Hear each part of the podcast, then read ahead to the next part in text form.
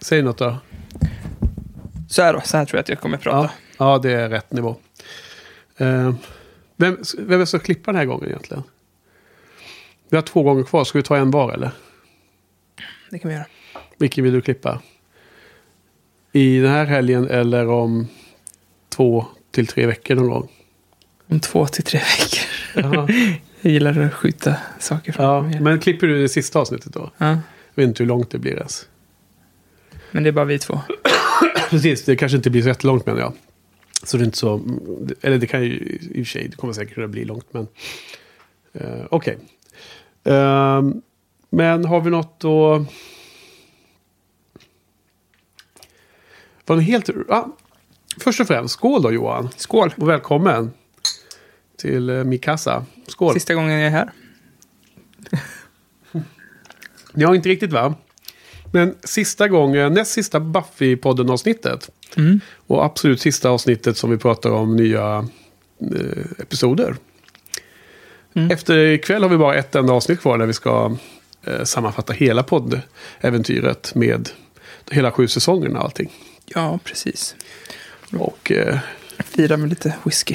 då, så nu firar vi med whisky. Så välkommen till den näst sista Buffy-podden och slutet på säsong sju. Tack. End of Days of the Chosen One. Eller Chosen. Vad heter det? En helt random liten eh, annan eh, sak. Har du läst, eh, läste du mycket tv, TV vad säger, jag, eh, serietidningar när du var liten? Mm. Eller vuxen? Ja, både och. För du har läst massor med manga och sånt där va? Ja. Är det bara sånt? Eller, alltså jag är ju som supersvennig så jag har ju läst de här ja, det är nog... Fantomen och X9 och sånt där. Från att jag fick min första dator med internet så har det nog varit 99% manga. Ja, Jag, Spiderman har jag läst och X-Men har jag läst lite grann. okej. För att jag gjorde en sån eh, eh, nostalgitripp igår. Eh, om du har läst X-Men, har du läst Modesty Blaze någonting då eller? Nej, Har du inte det? ing- jag har läst, men jag tyckte det var så jäkla tråkigt. Tycker du det? Ja. Jag har inte ens ja, orkat. lustigt. Eh, jag gillar ju den serien mycket och eh, den är ju ganska eh, omtyckt tror jag. Den är skriven, eh, det, är- det, det finns ju på bok och så också. Det är liksom en, en författare som skrivit typ allt, Mm. tror jag. Var det en sån serie som gick i dagstidningen, typ så här, fyra rutor om dagen eller något sånt där? I, I England ja. Inte i Sverige.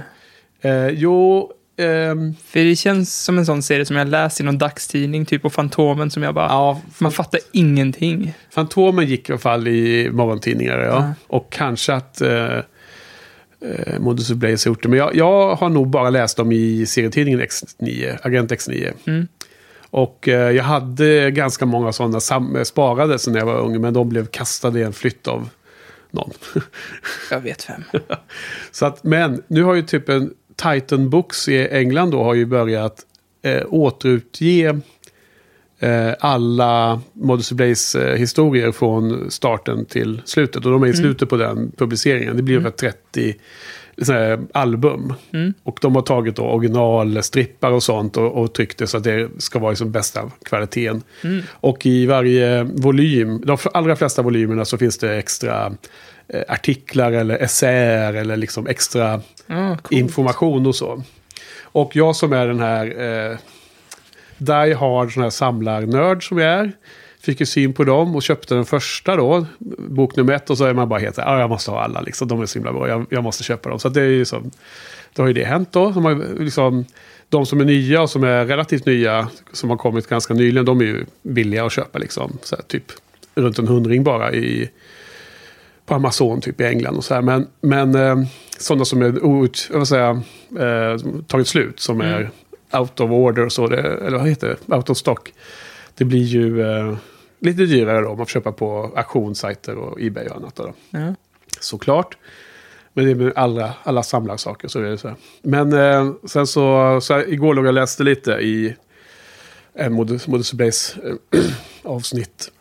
eller story då. Och eh, det var nästan som att man reser tillbaka i tiden till man själv var lite yngre och eh, läste dem för första rundan. Ja. Det blir som en dubbel effekt då. Men jag gillar verkligen eh, mod, eh, historierna. Det är ju liksom, det är ju den här samma typ av värld som Bond, James Bond därifrån, om man säger så, som jag älskar också. Ja, jag har ju lite svårt för Bond också. Kanske. Ja, men det är liksom en slags eh, 60-talseran med den här agent. Eh, John le Carrés värld, James Bond, eh, Wardens to Blaze då som sagt. Det finns Mm. flera sådana där, fler författare också. Eh, det på något sätt så har man vuxit upp med det, så det känns som att det sitter i mina DNA. Sedan Mm. den tiden. Och sen så är det ju eh, för övrigt då att de refererar till Buffy faktiskt när de gör reklam för Modus Blaze. Mhm. Att, fast tvärtom i det här fallet. Inte att Buffy har influerat Modest utan det är ju tvärtom. Liksom, att i, hon skrevs ju om och var ju den här eh, unga jätteduktiga tjejen som är ledare för ett eh, eh, kriminellt nätverk. Och har en, en otroligt karismatisk högra hand då som en man. Som är lite äldre än henne. Men inte, det är inte någon Mr. Giles typ utan är- han är en slags kämpe om man säger så. Väldigt duktig fysiskt också. Och eh, Willie Garvin. Och jag läste någonstans om att, och så listar de massor med så kvinnliga eh, action och fantasy hjäl, hjältinnor. Att de inte hade funnits om inte Modesty fanns. Så, det, så att även om Buffy har, gjort mass, har haft massor med inflytande på modernare eh, tv-serier och liknande så har ju även ännu tidigare saker haft inflytande såklart. Mm. Så det var väl en av de första sådana kvinnliga hjä- hjältinnor som liksom stod helt på egna ben och helt, helt utan beroende till någon man eller definierad av någon man eller liksom i relation till en, en, en manlig karaktär. Då, då. Mm. Lite tvärtom mot Bond då för övrigt, så det, där är det lite annorlunda när det gäller kvinnliga eh, Men det är fortfarande karaktärer. så här lite så här klass, klass på Modesty Blaze. Blaze var det. Hur menar du? Jag har fått känslan av att du gi- gillar sånt. Eh, Mr Giles, han är lite, det är lite klass på honom och det är lite klass på Bond liksom. Och det är lite klass på Modesty Blaze. Ja, kanske finns något i det. då, Även om det är själva... eh, I den serien, Modus Blaze-serien, är det mycket med relationen till Willie Garvin och deras... Den är otroligt eh, härlig relation och dessutom också platonisk faktiskt för övrigt. Mm. De har båda andra älskare på sidan men alla är alltid helt oväsentliga för att de, de, skulle dö för varandra bokstavligen då. Och Ja, det, det avsnittet jag läste igår, the, the, the Gabriel Setup, där eh, lurar motståndarna Willy att, att Modesty har blivit dödad av dem. Så han, ju, han går på Rampage och ska...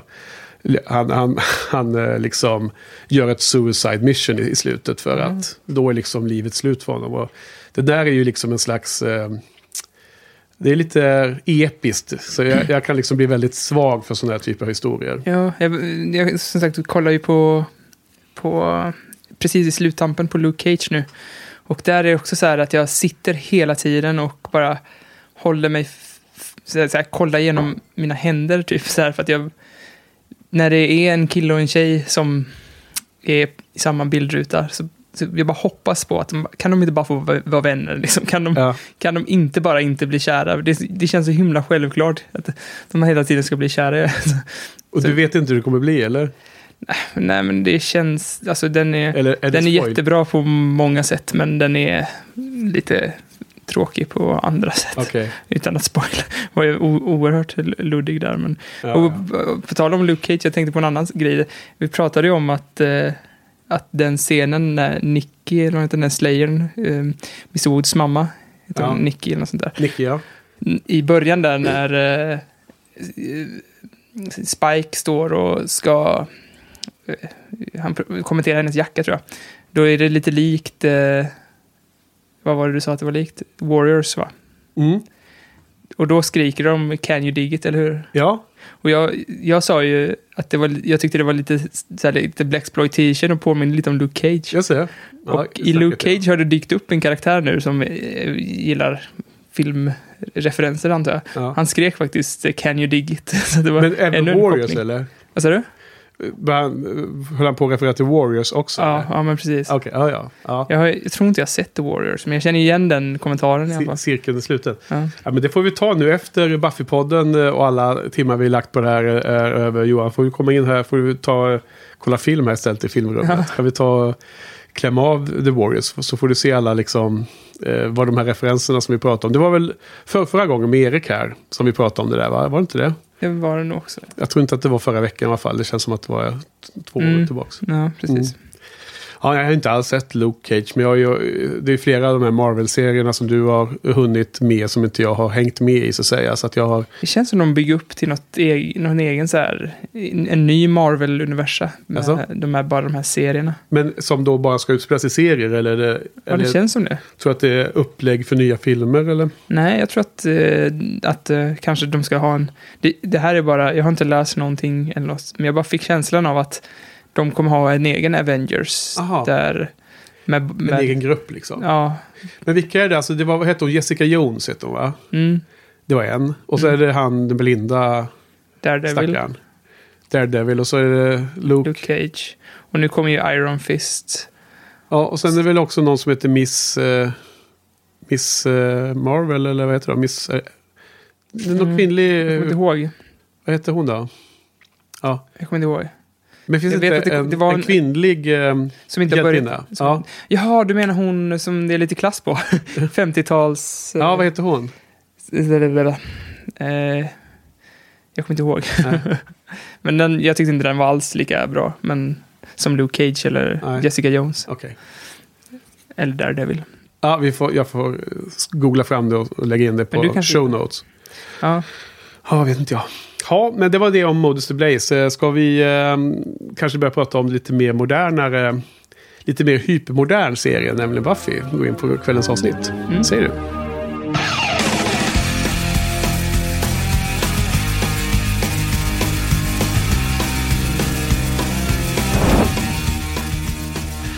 välkommen till 46 Jaha.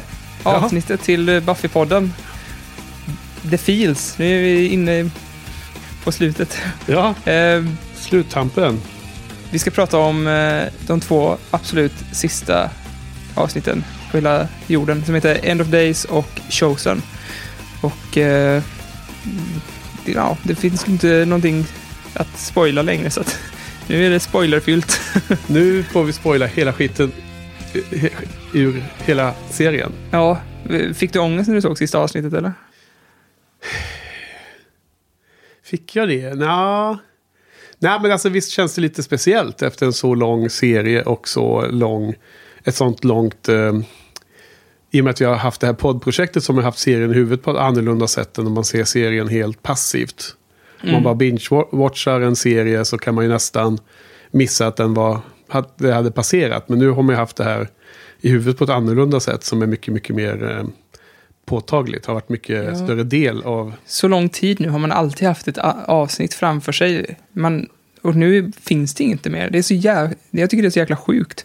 Jag har, fått, jag har inte haft den här känslan på, alltså, för det är ju ändå sju säsonger som har sett ganska insen, intensivt. Jag tror inte jag har gjort det med någon serie, sett sju säsonger så intensivt. Det är klart, man har säkert sett typ eh, Arkivexel och sådär, men det har ju alltid tagit mycket längre tid och man har inte varit så insugen i det, men ja. Det här, det här känns som typ när man var liten och man spelade typ eh, Ocarina of Time eller något Zelda-spel och man var ju liksom helt indragen i världen och sen bara poff så har man klarat det så är det så är man tillbaks i verkligheten igen. Det känns lite som Fick man fick är... du en sån känsla? Ja, Alltså jag har ju det här att jag redan sett serien en gång. Och, eh, men jag ska också reflektera över det lite om det blev annorlunda här i slutet mot första gången. Men, men eh, Inte spoila. åter till... Var det liksom... Du, du, vad sa du om jag hade någon känsla av ångest? Hade du, fick du den? Eller tomhetskänslan beskrev du, men Ja. kände du liksom ångestladdad tomhetskänsla eller? Eller kände du relief liksom? Nej, inte relief. Det gjorde jag nog inte. Nej. Nej, men ångest är väl för starkt ord, men, men det är ju inte... Det är ju en ambivalent känsla. Ja. Det känns lite som att ryckas upp i verkligheten på något sätt. vad, vad gav det för impulser då? Vill du kolla på mer Angel nu efteråt? Eller vad vill du? Nej, jag vill nog snarare hellre se om det från början tror jag. Ja. Men jag ska ju se, se Angel, det ska jag göra. Ja. Eh, jag snackade med Patrik idag och han har ju faktiskt hunnit lyckas. Han är ju så jäkla hård också Patrik. Han kollar ju på om han har bestämt sig så kör han. Ja. Så han har ju sett Angel parallellt med, det här, med Buffy i den här rewatchen som han har gjort tillsammans Mm. med, med, med podden. Jag gav ju upp efter Angel säsong två då så att jag har ju trean, fyran och femman kvar att se. Och det hade jag tänkt att jag skulle ta som en slags liten extra present efter Buffy-podden är, är klar här nu. Så ska jag kolla, kolla ikapp på Angel och andra titeln här då som pågår. Mm. Hur, hur långt har du kommit nu än? Jag har glömt det. Jag tror också det är två säsonger. Ja, just det. Jag kan ju i och för sig... Jag orkar Ja. inte kolla upp det. Nej. Så, eh, så, nej, så Patrik har liksom sett säsongerna i takt med varandra som, som Mm. de gick då, då. Men det har, har, ju, har ju både du och jag droppat eh, Ja. för ett tag sedan. Just, Försökte ju det i början där ett tag. just idag hade det ju varit nice att ha gjort det, men nope. Ja. Det, det fanns ju lite eh, en sån crossover med, med det när Face dyker upp i, i förra veckans avsnitt i, i Sunnydale.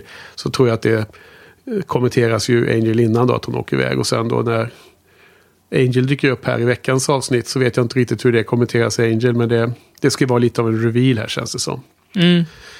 Men du, eh, hur, hur känns det eh, med att se om då? Är det, menar du allvar? Kommer du göra det liksom, liksom för, bara för njutningens skull? Liksom, eller? Ja, jag lyssnade ju på vägen till dig nu, eh, Drunk Rewatch, eller Buffy, Re- Buffy Rewatch, Drunk Rewatch av eh, Band Candy. Mm. Och eh, eh, det blev ju lite svamligt, men jag blev ändå väldigt sugen på att se om Band Candy, måste jag säga. Så man, nu har man ju lyxen att man kan eh, gå tillbaka till, plocka ut ett avsnitt som man gillar. Ja. Och då, då ligger ju de här roliga avsnitten nära till hands alltså. ja. Det är inte som att man ser något megatungt avsnitt nu. Nej, precis. Det är som man ju, rycker bara. och man, man ser ju också det lite... The Body, eller som du. Du såg ju för sig The Body lösryckt. Ja, precis. Men det är också kul när man har funderat på sina favoritavsnitt i varje säsong. Så har jag ju, och jag tror du också har, i varje säsong blandat mellan de dramatiskt tunga och de humoristiska avsnitten. Ja. Och varje säsong så har ju båda, båda typerna av avsnitt varit, känns som att de har konkurrerat om de topplaceringarna. Så det är ju ett väldigt starkt, eh, en positiv tecken att serien är väldigt mångfacetterad. Facetterad. facetterad. Mångfacetterad. På tal om att se om så såg du det på kommentarerna vi fått in här till den här veckan att eh, Sofia eh, pratar om att se om serien nu då. Jävlar vilken snygg segway du gjorde där. Ja, Ja, det var ju jättecoolt. Att, hon, att man har liksom frälst någon på det viset. Ja, alltså du var inte med på senaste Filmspanarträffen tror jag va? Nej, jag såg i din kommentar att eh, det diskuterades. Ja, alltså ja, det vi diskuterar inte det i, i det allmänna, men jag satt bredvid Sofia och hon, hon nämnde lite så här tyst på sidan kändes det som att, att eh, vi kom in på det och så sa hon att hon skulle se om eh, serien. Bara, bara för mig själv tror jag hon sa ungefär. Alltså inte som, som en uppgift för att följa podden Nej. och hänga med i det här tempot eller göra det liksom Hon, på, det är på inte- våra premisser. hon tar inte över stafettpinnen nu då och kör om från början. Jag vet inte, hon kanske håller på och bygger ett eh, poddrum där borta Ja. i Arboga. Och, Hijacka våran feed. ja, vem vet? Om vi lyssnar på Sofia varje vecka istället. Ja, det kanske blir en... Vi får kasta ner handsken här och se om hon tar upp den. eh, det blir som en eh, dotterpodd till eh, liksom själva masterpodden. Ja. Du kan yngla av oss. En, eh, en drottningpodd kanske. Ja. Till våran slavpodd. Ja, men har vi... Vi har fått några kommentarer den här veckan, va? Ja, Patrik skrev eh, en eh, kommentar precis as we speak nästan. Han skriver eh, sveket mot Buffy drar ner avsnittet Empty Places. Eh, Det kunde ju gjorts bättre, men jag tycker, in, tycker inte avsnittet blir så dåligt att det kan liknas vid till exempel Beer Bad. Nej. Nej, så det... det Beer Bad tar ju inte i lika hårt. Liksom, de siktar inte lika högt, högt som Empty Places, känner jag. Så att, Nej. så att fallet blir ju inte lika långt. Men å andra sidan så jag gillar ju hellre att man tar i och missar än att man, mm, jag, jag vet inte, gör något tråkigt Ja, alltså- ströavsnitt. Ja, jag utgår från att han refererar till att jag då ville eh, utnämna Empty Places som en av hela seriens sämsta avsnitt ju. Jaha. Ja, antar jag. Ja, just det, det sa du ja. Att jag liksom Ja. var inne på och, och eventuellt då i affekt över att jag hade sett avsnittet. Och man kanske, om man skulle se de fem sämsta kandidaterna back to back kanske man skulle liksom kunna vara mer finjusterad i vilket som var rikt, vilket som var svagast. Men Det hade varit coolt om man kunde kommentera och sen sätta en markör i våran poddspelare, så här, Mm. vart, vad det är man kommenterar på. ja, precis. Det är nog ofta så att man inte, att man liksom inte riktigt hänger med på vad kontexten är när folk Ja. kommenterar. Ja, jag bara gissar, jag antar det. Men Ja, men så är det ju. Eh, vad, jag tycker ju egentligen inte att Bear Bad var så himla uselt, även om, om det är ett exempel som jag förstår att många brukar ta som det allra sämsta. Mm. Jag kommer ihåg att jag tyckte att humorn i det, alltså inte den, den eh, inte det här haha killarna, eh, boys will be boys, men utan humorn i hur Sarah Michelle Gellar spelade den där galna rollen. Mm. Alltså den, den humorn i att se skådespelaren eller skådespelarna i, i udda situationer tyckte jag kunde vara, ha- hade ett värde som var Ja. större. Jag tror också att eh, du, alltså det har mer värde nu när man sett hela serien. Alltså, Ja. Nu tror jag att jag skulle uppskatta Bear Bad mer för att, att just det du säger, att ser skobisarna i knasiga situationer. Man, man, vill ju bara se, dem, se Ja. hur de reagerar på olika saker. Liksom. Ja, precis. Att det finns ju andra avsnitt som jag kommer ihåg som sämre. Det här Go Fish tycker jag alltid dyker upp Det var i så jäkla huvudet. sjukt. Jag såg precis att eh, Joss Whedon hade lagt upp eh, eh, de skulle göra någon rewatch, Joss Whedon, jag antar att det är på någon, te- eh, någon bio eller något sånt där. Aha. Att de skulle ha något event nu inför ett 20-årsjubileet, antar jag. Okej. Då hade han, då hade han ju valt, det var Joss som hade valt avsnitten. Då Jaha. hade han ju blandat så här, blandat lite högt och lågt. Men eh, ja, bland annat de här musikalavsnittet och The Body och sådär. Men han hade även valt Go Fish, vilket är så jävla konstigt.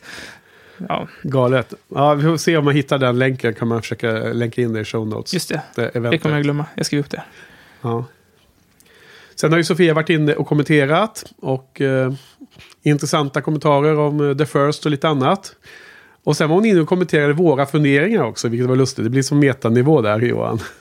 alltså, kommentarerna inte var på eh, avsnittsinnehållet, utan kommentera våra funderingar på det. Det är ju kul. Och det är ju de flesta kommentarer har varit det, men det var lustigt att hon lyfte upp det lite som Vadå? Jag fattar inte riktigt. Nej, men hon skrev i det sista inlägget här för mig att hon inte hade så mycket att tillägga om själva avsnittet, men att hon kommenterade våra kommentarer istället, våra funderingar.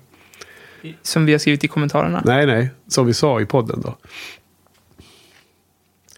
Jaha, okej. nu, okej, nu, nu trillas polletten ner. Ja.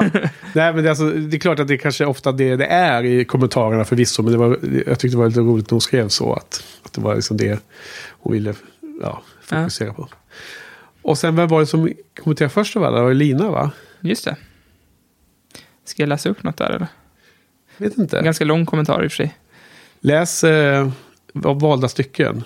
Var annat ord. Eh, jag verkligen om grejen alla potentials fungerar bra. Alltså det blir ju tvärtom. Det var ett inte som försvann där. Ja. Ja. Jag förstod nästan vad, vad meningen var ändå. Ja.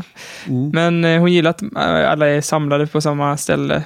Eh, och eh, det blir lite många karaktärer.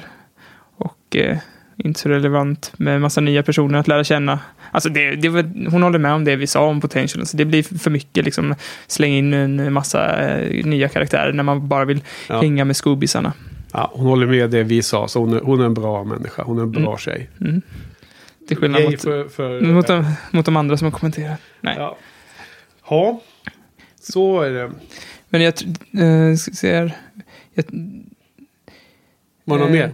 Jag, jag, jag tänkte kommentera, jo, jag vet inte.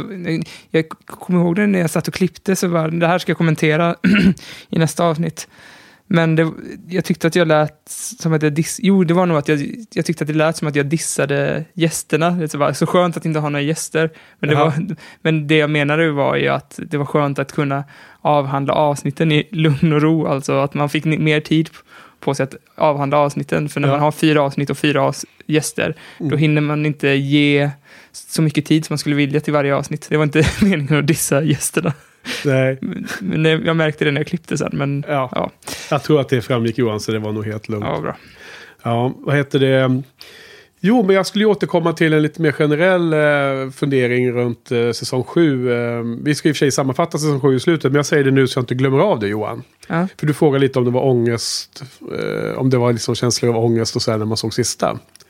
Alltså det är inte lustigt här att du kanske har uppfattat det att jag jag tror att jag har sagt det flera gånger i podden att eh, de första säsongerna kommer jag ihåg bättre från när jag såg det första gången. Ja. Och sen så har jag varit, haft så väldigt eh, dimmiga och typ icke-existerande minnen av slutet då. Ja. Och det har varit liksom mer och mer så. Säsong sju har jag nästan känt som att man ser, ser det för första gången. För jag har verkligen liksom inte kommit ihåg så mycket. Och eh, då var jag lite nyfiken på hur det skulle kännas att se slutet på sjuan då.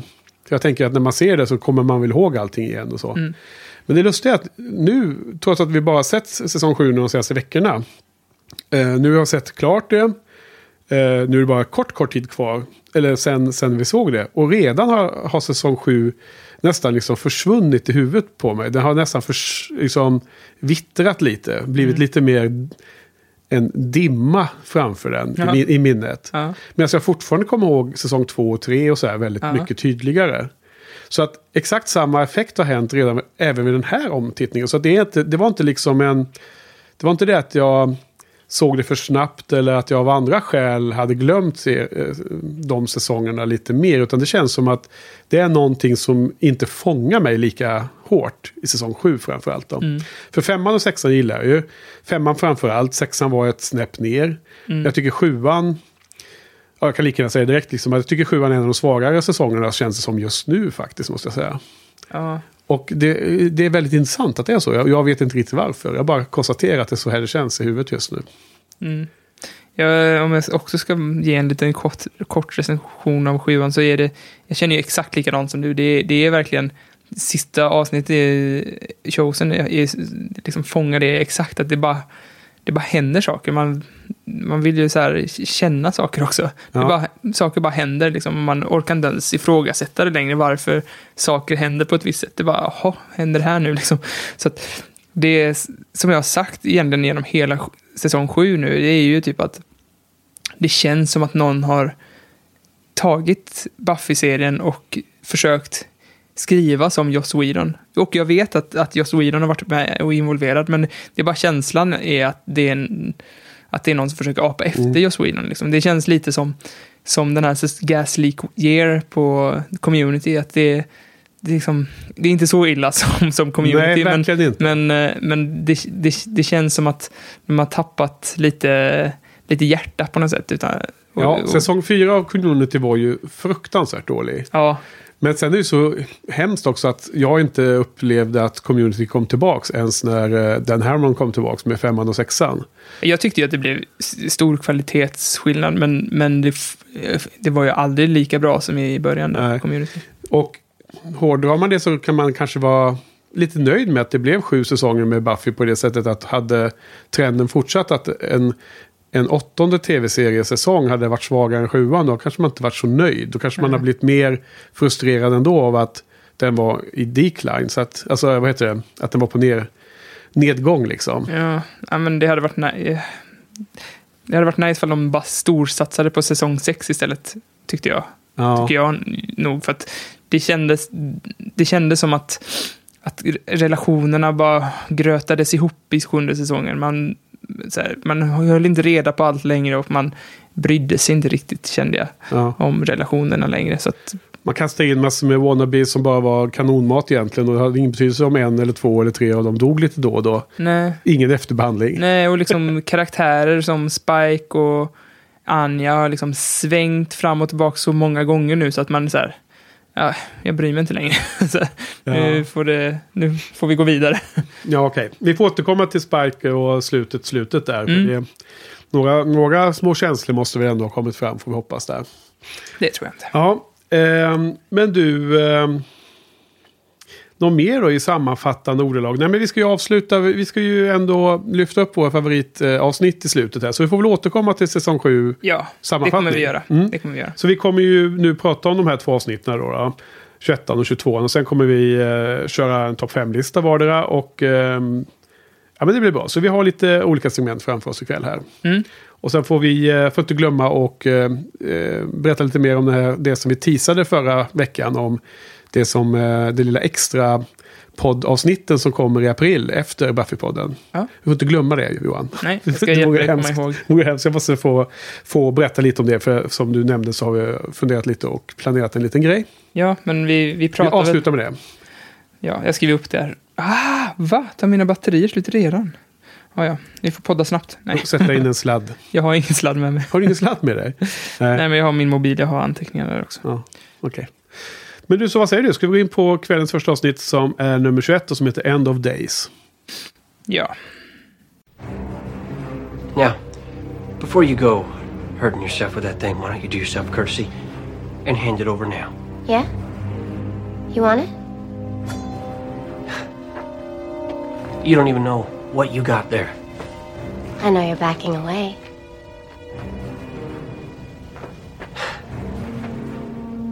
You think wielding some two-sided doodads gonna make a difference? Let her go, Caleb. I said let her go. I let her go. She slices me open with that thing. No, she doesn't. She hasn't got time.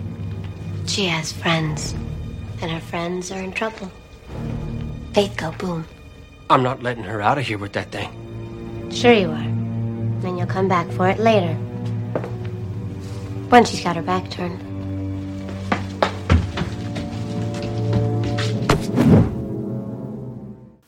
Okej då, kära lyssnare. Uh, End of Days. Um, nu ska vi här, Uh, sista poddavsnittet med nya avsnitt, eh, i all ära pröva en lite ny format. Vi ska inte köra så mycket synopsis utan först lite allmänna kommentarer om avsnittet och sen så ska vi försöka beta oss igenom vad som händer i avsnittet lite scen för scen då, så får vi se hur det funkar. Eh, Så Johan leda den lilla övningen. Men först och främst bara en generell kommentar som inte är i någon av scenerna. För det, det är mer en kommentar om saker som inte händer Johan. Eh, alltså det här avsnittet kommer ju, börjar ju precis efter eh, det som var innan som hette Touched. Och det var ju där vi, eh, vi avslutade med att Buffy fightades mot Caleb. Eh, och dök ner i en källare och hittade det här eh, yxvapnet sittande i stenen. Precis som, eh, vad heter han, kung Artus svärd där då, Excalibur. Och, ehm, och då har han nu blivit utkastad av The Wannabes och Dawn allihopa ur sitt hem. Så att, för det första eh, så är det... Eh, Buffy är ute i kylan här när vi startar det här avsnittet. Det är det jag ska komma till. Sen när hon då kommer tillbaka så räddar de som gått i den där fällan med explosionen. Och när hon träffar varenda av de, van, de riktiga skobisarna inne i huset sen. Sander och Willow och allihopa. Så ingen kommenterar att hon är tillbaks liksom. Det, det, Va- Är det inte någon som säger so you're back och hon säger I don't know? Jo, alltså det, just det sägs, men alltså ingen, ingen adresserar det Nej. som både du och jag tyckte var upprörande och gav en väldigt stark känsloreaktion. Och jag mådde nästan dåligt av de scenerna. Mm. Eh, eh, Alltså i, i termer av förräderi och illojalitet och hur kunde det svänga så ifrån känslan som var i säsong 6 och sådana saker. Mm. Och det, det här känsloregistret, de här liksom, att de var så långt nere så att de körde ut henne ur hennes hem. Mm. Och Buffy fick lämna och sova i en jäkla övergivet hus liksom. Inte över. Nej, Hon men, körde ut ja, som bodde där. just det, så ja. Men hon gick och letade där då. Ja. Till att hon räddar dem, hon kommer tillbaks, hon återtar ledarrollen. Och det är ingen som kommenterar det de har gjort. Nej. Och att, att Buffy inte gör det, det antar jag bara att showen vill liksom visa henne som den, den större personen. Ja, ja. Men, men att hon inte ska gnälla om det och liksom försöka få sympatier och få andra att be om förlåtelse liksom mot deras vilja. Men att, att ingen liksom bara, som typ Sander eller Willow eller vem som helst bara går fram och säger sorry, vi, vi hade fel. Liksom, fasen vad gjorde vi egentligen? Hur, hur tänkte vi liksom? Utan det är bara liksom helt sopas under mattan. Det är många stora händelser som händer nu i slutet som bara aldrig adresseras mer. Jag, jag tänkte på det när det var något med Spike, att eh, han... Ja, det, jag kommer inte ihåg exakt, men det var liksom... Det händer saker som inte plockas upp senare. Ja, vi kommer säkert till det senare, jag har skrivit i anteckningarna. Men Ja. det var... Det, jo, The First pratar ju med Spike och eh, när, när Buffy och Angel hånglar liksom, så Ja. håller han på och jag vet inte vad The First håller på och gör med, med Spike, men Ja, Men- få honom att bli svartsjuk och sånt ja, någon, någonting som bara Eller elda på svartsjuka. aldrig får någon konsekvens senare. Nej, absolut. Ja. Ja. Nej, och en annan sak som inte heller sker det är ju att eh, precis som att de där två wannabes blir dödade i första fighten mot Caleb. När man sen bara ojar sig över Sanders öga och struntade i att två hade dött. Mm. Så var det ju några som dog i explosionen. Men dels har ju, serien är ju generellt sett så att den inte visar liksom ond bråd död så här tydligt. Så att de liksom, det är för det den är liksom anpassad till yngre publik tror jag. Men de, de kommenterar inte mer än att bara liksom några dog sägs det. Eller alla kommer inte tillbaka eller du vet. War has casualties eller vad, vad tusan det är de säger. Och jag tror att man, man får se någon som ligger och så ser, ser dammig ut och liksom ser, ser ut som att den personen har dött. Då, då. Ja. Men det kommenteras inte heller. Nej, ska jag, jag har också sk- Ja, eh, skrivit en vi- punkt om det. Ska vi ta och börja, eller vadå? Vill du börja med dina... Nej, jag kan bara ta den punkten Ja. eftersom den är relaterad. Ja. Men jag tänkte, alltså det är så många som, som dör, och speciellt i showsen. Liksom, man har inte riktigt koll på... Jag, jag, jag kan inte räkna upp exakt vilka som har dött. Eh, Och det är ändå stora, betydelsefulla personer som har dött. Alltså att en, en, dött, en död... Alltså, Sp- Spike dör, va? ja, Alltså. Att så stora, betydelsefulla personer, det, jag liksom känner ingenting. Men en sån liten, liten grej som att Buffy bara stänger dörren i ansiktet på Giles och det bara skär i hjärtat på en. Liksom. ja. Att, att, det kan, att det är det här over 9000 som de i början gjorde parodi på och nu är en del av Buffy. Och som jag inte känner, det här är, det här är inte Buffys själ, det här, det här är det Buffy gör parodi på. Buffy ska inte vara over, the nine, over 9000 seriös, utan de ska göra narr av det. De ska ju köra, köra på med bazookan där och, och, på The Judge till exempel, att det, att det ska vara med, med glimten i ögat, men det gör de inte här. Det är fullt allvar. De försöker få oss att känna genom att Ösa på, over eh, 9000 liksom. Mm. Ja, intressant det där. Eh, det får vi också inte glömma att prata om lite om vilka som dör i slutet på showsen. Men vi får återkomma till det i nästa avsnitt. Mm. Ja, så vad hände i det här eh, End of Days då? Ja, det börjar ju med, som du sa, att eh, Buffy plockar lien ur stenen. Ja, Scythe heter det väl på engelska vad det nu kan stå för. Lie. Är det det? Ja. Nej, är det det? Okej. Men Det ser inte ut som en lie, men... Nej, inte alls. Det är det som är så konstigt. Aha. Men, Ja, eh, yxa ser det ut som då. Men det är multivapen också. Det är också en stake då på den andra änden. Så det Ja, är just ett det. bra vapen. ja, den, den är rätt, eh, rätt bra. Ja.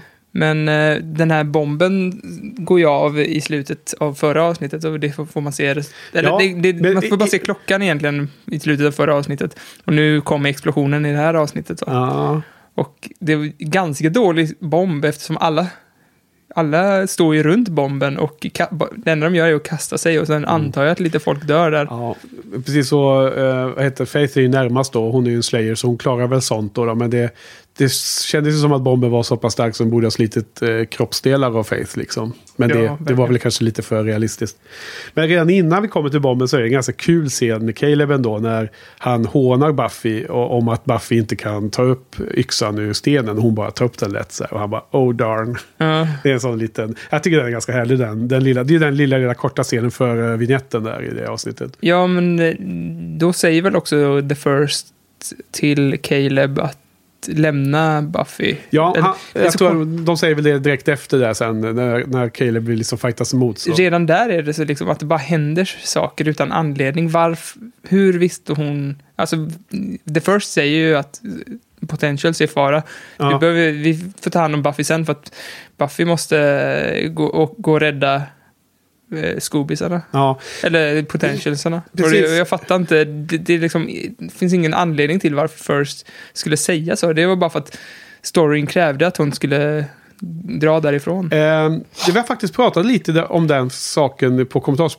kommentarerna med Sofia. Jag, jag har skrivit lite faktiskt om detta. Att jag Mm. tror, min tolkning här mot slutet av säsongen är att The First förhalar lite. För att The First har ju flera tillfällen hindrat Caleb att gå till, front, till direkt attack mot Buffy. Mm. Bland annat den här, exakt den här scenen när de säger vänta, jaga inte henne nu utan eh, The First eh, får Buffy att springa iväg till den här fällan då. Mm.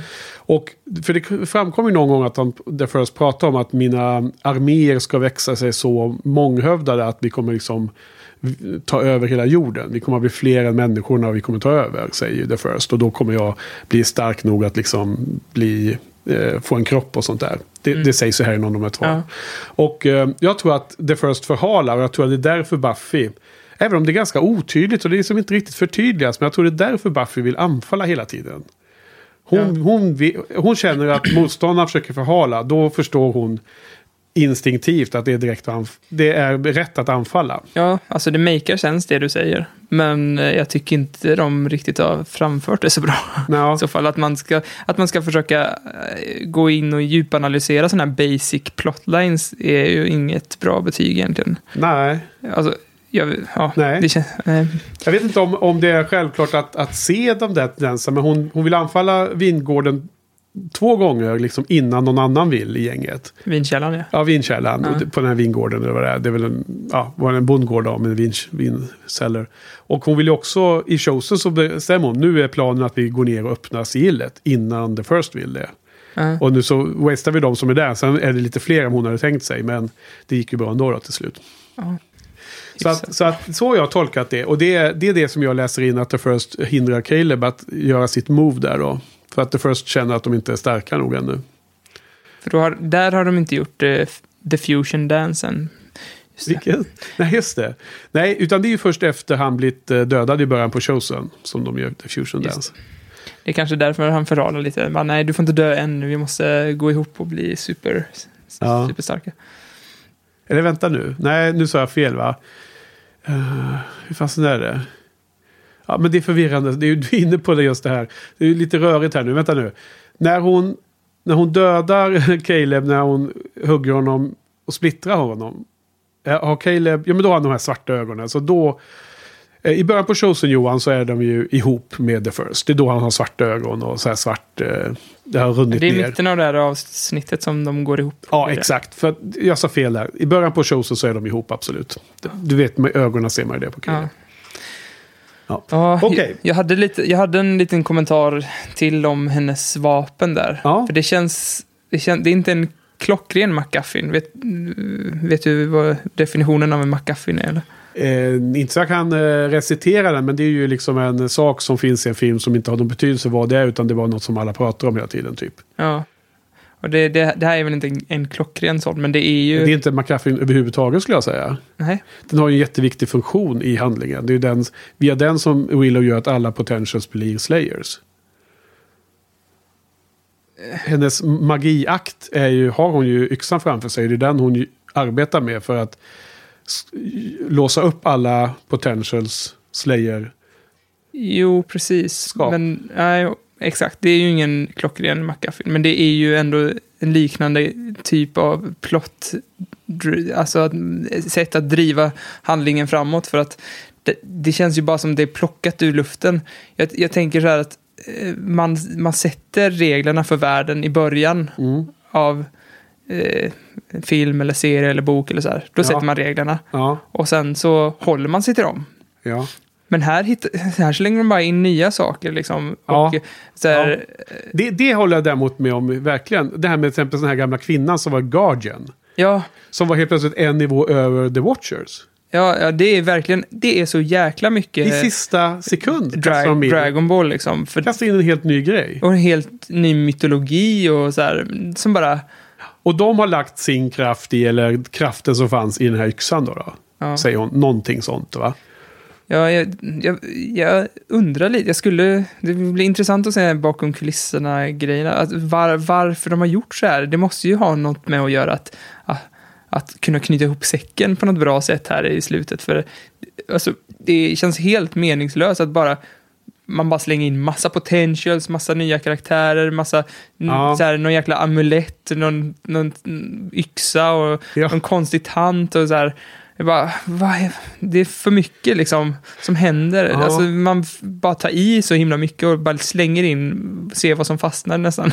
Mm. Men ja, det måste ju finnas någon tanke bakom varför de...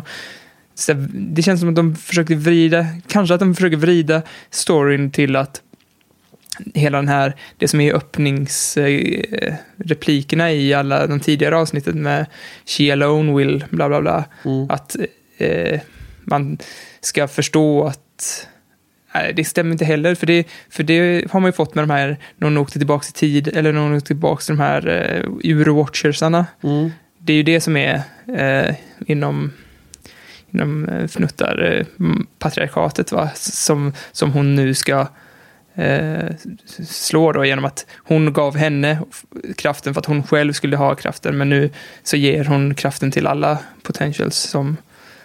Du menar att de den gamla de- kvinnan gav kraften till Buffy? Nej, jag förstår inte. Nej, de, de gjorde ju inte det. Jag vet inte. Det blir, det blir invecklat. Ja, det var många henne där. Jag fattar inte vem, vilken henne du menade när du sa. Eh, de, Hon gav henne en kraft, men hon gav... de, de gav, alltså Buffy, eller The Slayer, det, det förs ju över. Ja, Men de gav vilka var de? de urwatchersarna, de gav den här gåvan till The Slayer att vara stark. Ja, men det var den här svarta röken jag såg. Ja, med, som en orm. Ja. Och det, antar att det är de som säger She alone will bla bla bla. Den öppningsrepliken i... Ja. Det, ja, alltså jag vet inte. Det är Mr. Giles som säger det, men var får han den texten från? Är det någon slags gammal Watcher-saying kanske? Eller? Ja, så har jag to- tolkat det liksom att det, Ja. är, det är Watchers, eh, en Watchers Ja. text som har liksom, som Bibeln lite grann. Att Ja. det, är- det är myten att hon, The Slayer ensam och nu gör hon revolt mot hela den grejen att hon vill inte stå upp mot där ensam. Och nu från och med ikväll Ja, alla ha på något sätt känns det som att någon, någon i författarrummet gör revolt mot hela seriens eh, liksom mytologi. och, och hittar på en Guardians och hittar på att all kraft finns i den här yxan istället. Eller kommer från yxan på något sätt. Ja, kommer Slayer-kraften från yxan menar du? Ja, alltså, nu kommer jag inte ihåg exakt vad hon sa. Och jag, jag tror att jag till och med nästan zonade ut lite när den gamla vithåriga kvinnan var i bild. För att Ja. jag orkar inte riktigt höra på vad hon sa liksom. Nej, och hur Jag förstod inte riktigt henne? vad hon pratade om. Hon bara dök upp helt plötsligt. Buffy gick helt, o, helt random gick hon in till ett mausoleum av någon anledning. Ja, var det Jag något? kommer inte ens ihåg om hon sa varför hon gick omkring sådär. Nej, men var det, var det typ att, de hade, att Willow hade efterforskat och sagt du måste gå till den Alltså här. de var ju leta efter vad, vad som var yxans hemlighet. Vad, vad var det de skulle ha den till? Ja, Och de hittade ingenting. de, och de hittade letade. egyptisk grej va? Ja, de hittade någon hieroglyf eller de kallar det där. Ja. På en, en, en webbsida. Ja. Och sen så var det som klipp och så var Buffy plötsligt i någon gammal grav. Liksom. Och, så Mm. en, och så var det någon form av skynke och så kom det en, en vithårig kvinna. Men hon, hon beskrev ju liksom någonting om, om den där kraften som de hade... De hade skapat det där vapnet och de hade vaktat på det eller vad det var. Och de väntar på henne. Mm. Eh, varför det inte var Slayern före Buffy eller Nicky på 70-talet som var den de väntade på, det var ju lite oklart. Men nu var det tydligen dags. Och Buffy då kanske off-screen fick reda på vad yxan kunde göra. För sen hade hon ju en plan som hon säger, jag har en plan. Och sen så eh, ska hon berätta det för alla skobisarna, men det sker ju off-screen. Så vi, vi ska ju hållas lite på halster där. Det här, nu pratar vi om eh, Chosen, men skitsamma då, vi har kommit in på ämnet.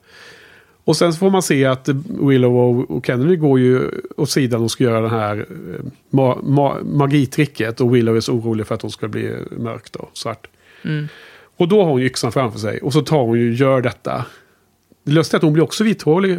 vithårig. Ja, Himla- the Grey. Li- Himla härlig scen med Willow för övrigt. En av de bästa scenerna i hela showsen. När hon får vitt hår tycker jag. Ja. Men så då drar hon ju ur den här inbyggda magin nu, den här yxan som jag förstår det. Och hon, hon låser upp alla potentials kapacitet. Och det är det man får se i de där klippsen från massor av tjejer runt om i världen. Mm. De, Eh, Men så fattar du också det, eller? ja, ja. Ja. Och det är det yxan, alltså det är därför jag tänker att den inte riktigt är en McGuffin. För den har ju verkligen en ganska viktig roll liksom, i hela sista avsnittet. Ja, ja men precis. Det är... Ja, nu känns det som vi bara repeterar med Ja. men, Ja, men vi, kan gå vidare. Vi, vi kommer runt där cir- cirka. Men, men intressant nog att, att vi båda inte riktigt eh, på något sätt instinktivt köper de här häftiga händelseutvecklingen i de sista två avsnitten med all den här mytologin som bara... Slängs i ansiktet på en. Men det är ju Ja. samma sak med den här jäkla amuletten. Den är ju också så här, var fan kom den ifrån liksom? Ja, precis. Det kom, ja, men den tror jag i och för sig att man får se om i Angel-serien. Att man kanske får en förklaring till amuletten med där. För Angel dyker upp för att ge, den till Buffy. Och den kan ju ha... Det är ju en av de här crossovers i slutet. Och det är så själva anledningen till att Angel åker till, till Sunnydale, va? Ja, För att lämna den. Och erbjuda sina tjänster då. Ja, okej. Ja, men fortsätt då. Vad, vad händer mer i, i eh, det här? End of Days. Ja, eh, jo, sen när de blir sprängda så räddar Buffy dem från de här ybevamsarna som kommer. De var ju för övrigt helt plötsligt väldigt svaga. Ja. De var ju som vanliga vampyrer egentligen nästan. För, ja, det, är nästan som i början av, eller som vart, alltså vampyrerna och i Buffys krafter och så här har ju varit väldigt svajiga. Man vet Ja. inte så här, vilka krafter de har egentligen. Nej, men det är en del av charmen med serien. Det, det får man se på plussidan. Jo, men det hade ju varit charmigt om, det inte, om de inte hade tagit i så mycket på just den delen av storyn. Att nu, är, ju- nu har de inte, det känns som de har lagt kraft på, Nej. på eh, pers, eh, person, karaktärsutveckling, utan mer på de här stora händelserna. Liksom. Ja, jag tycker det. Ja, det är intressant. Eh, Jag håller med. Det, det är så mycket som händer under andra halvan sjuan på det sättet håller jag med. Ja. Ja. Så många, det är inte så mycket att de utvecklar de personliga relationerna. Det stämmer. Ja, jag har inte tänkt på det på det sättet. Men, Men, men jag tänkte på en annan sak Johan då. Mm. Vi ändå var inne på det också. Eh, Det, fokusen är det som du sa. Men de verkar inte vara speciellt samordnade. Det verkar inte vara någon som styr hela säsongens handling. För att de här sakerna som sker i ett avsnitt har liksom ingen, ingen betydelse nästa gång. Det här som, vi, som jag började prata om. Mm. ja. Till exempel så att ingen kommenterar hur de behandlar Buffy. Det, det känns som att någon skrev ett bra avsnitt där det blev eh, splittring i gruppen. Sen skrev någon annan ett annat avsnitt. Och har liksom inte riktigt koll på vad som skrevs i avsnittet innan. Och sen är det en tredje person som skriver nästa avsnitt igen. Som hittar på att ja, men vi kan hitta på en helt ny myt- mytologi. Och allt det här får liksom bara ske utan att någon håller sin övergripande kontroll på hela eh, story-arken. Mm, verkligen. Så kanske man kan se det lite. Ja, Mm. så kan man också se det. Jag håller med. Eh, Sen eh, kommer vi till en scen där, eh, där eh, Sander och Dawn har eh, en liten moment tillsammans. De, letar efter något i bilen, va? De letar efter hennes, eh, hennes eh, armborst, tror jag. Ja, mm. Och det lät som att hon har gått eh, Boondock Saints på deras mm, Kitty Fantastico, eller vad den heter. Miss Kitty Fantastico, kommer du ihåg den katten? Ja, det var ju Dawns och... Nej, jag säger Willow ja. Terras Ja. ja. Nej, så jag, var också, jag var också nyfiken på det. eh, Så jag var, var tvungen att kolla på Buffy Wiki vad, som, vad, vad den referensen var. Tydligen var, var det oklart vad hon refererar till. Men det var ju, alltså katten vet man ju, men vad händelsen som hon refererar till har, har man inte sett eller vet tydligen. Nej, men eftersom det var ett armborst med i leken så Ja. tror, då, då förutsätter man ju att, hon, att Dawn har gått om Boondock Saints på, på den katten. Ja, eller att det har hänt något eh, eh, dråpligt. Ja. vad, skulle annars, vad skulle de annars syfta på? Jag vet inte vad du Att menar med, jag vet inte vad du menar med Boondock Saints, men menar du att de har dödat katten eller? Nej, men han slår ju... I Boondock Saints så slår han ju händerna i bordet och då går hans pistol av och, och hela katten är över hela väggen liksom. Ja, Att det, det måste ju hända något liknande med. ja kanske ja. Kitty De, de, de, de det är inte som att katten har snott armborstet och nej, hemifrån. men, liksom. Nej, Eller vi, var- kan, vi kan se det som det. vi säger så. Det var faktiskt ett av alternativen på Buffy Wiki var ju att den antingen är död eller att den har rymt. Eller att den har blivit bortskänkt. Men, men man tror ändå att den är död efter Chosen eftersom hela Sunnydale har försvunnit. Så stod det på Buffy Wiki. Ja. De, de är cover their, their eh, bases liksom. De har alla olika alternativ öppna där.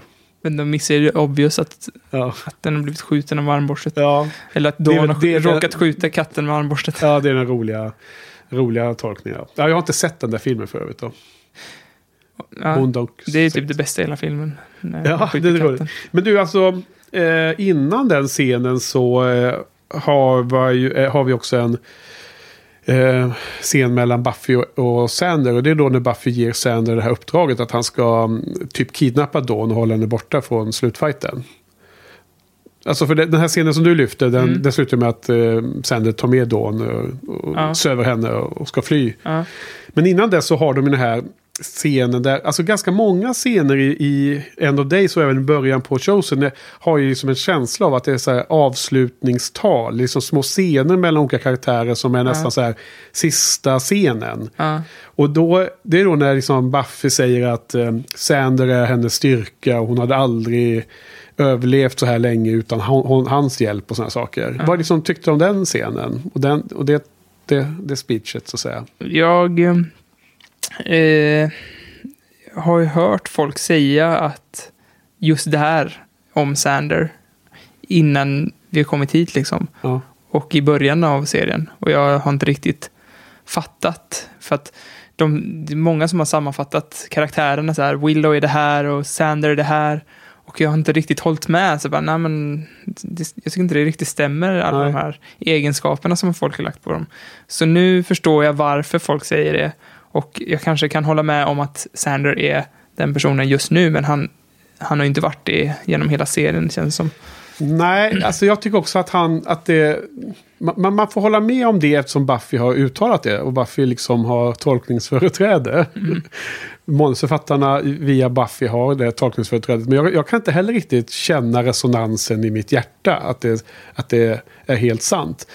Han har ju varit inne och nosat på en sån roll under an, resans gång. Och desto mer i slutet tycker jag. Inklusive slutet på säsong 6 med scenen med Willow när han eh, når fram till henne och allt det där.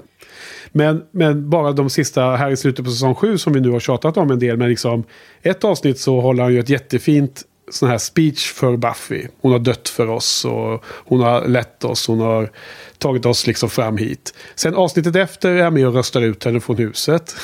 liksom så helt random. Och sen nu igen, Buffy kommer tillbaks, får ingen liksom kommentar från Sander om att han var med och röstade ut henne och bara liksom gav henne ingen som helst cred för att hon, hon så kunde liksom ha någon roll i gänget längre. Och till att Buffy står och säger att du är hjärtat och det är därför jag liksom lever idag. Nej, det är Det jävligt är, sant. liksom, det är som att det bara svingar hejvilt fram Ja. och tillbaks liksom. Ja, det är rätt konstigt faktiskt.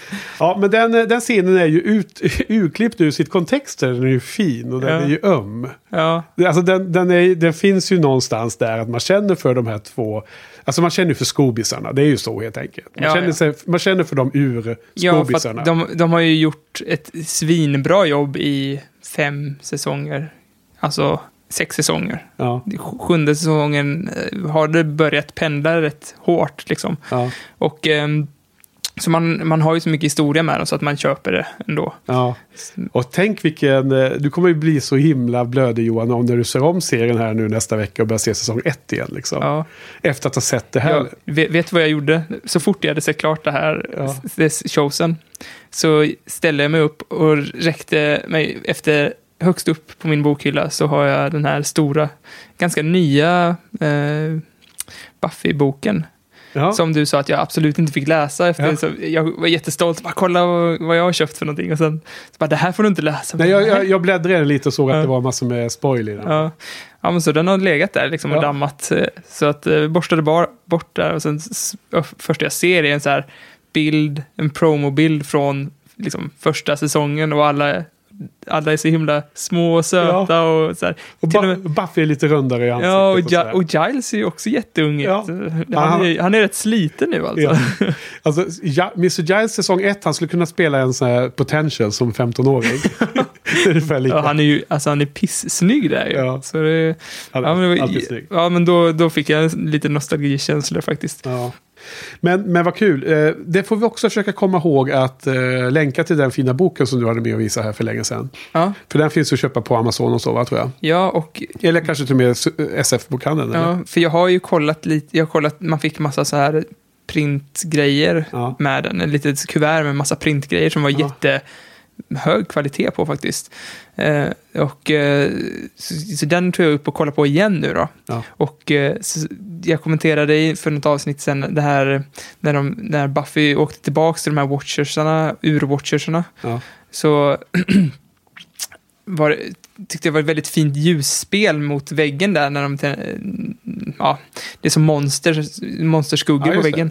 Det, själva den grejen fanns, fick, fanns med som ett tryck faktiskt. Jaha, Så, så, så, här, så man kan sätta ett litet värmeljus där. okej. så att Man det, kan klippa ur det och göra en eget sånt ljusspel. ja, det kan man också göra. Men Okej. jag har ju ett färdigt. Så att, Ja, men av den saken som var med då, eller? ja, men det var en färdig Ah, grej färdig. liksom. Ja. Och Det var bara att sätta Ja, ihop. den där, jag måste köpa den där boken. Den, eh, jag kommer ihåg den nu. Den var, det var, du hade två böcker med det, tror jag, den gången. Nu Ja. var den bruna med liksom typ eh, läder, Ja. fuskläder. Ja, men det var bo, två, båda var så här fuskläder. Aha. Men eh, det, det fanns en som var skriven av Mr. Giles, Wow. som var den stora monsterboken. Den var Ja. inte lika...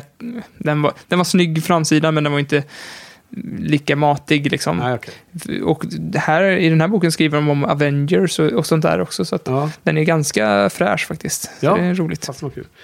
Ja, den, den får vi försöka länka till också då. Och så lägga in en eh, beställning på. Fan vad vi pratar då. Mm. Men eh, jag, jag fick för mig att det här eh, scenen där eh, Buffy pratar med Sander är efter att eh, Sander har kidnappat. Nej, jag har skrivit det före här. Och jag, För det, för det måste det ju vara eftersom det är då, Sander åker iväg med Dawn. Ja, det är då hon ger honom uppdraget. Men jag, för jag eh, fattade aldrig, jag tror inte jag, jag måste ha missat att eh, Buffy ber honom eh, eh, ta Alltså, Dawn därifrån. Hon, hon säger jag har ett viktigt uppdrag till dig och han opponerar sig.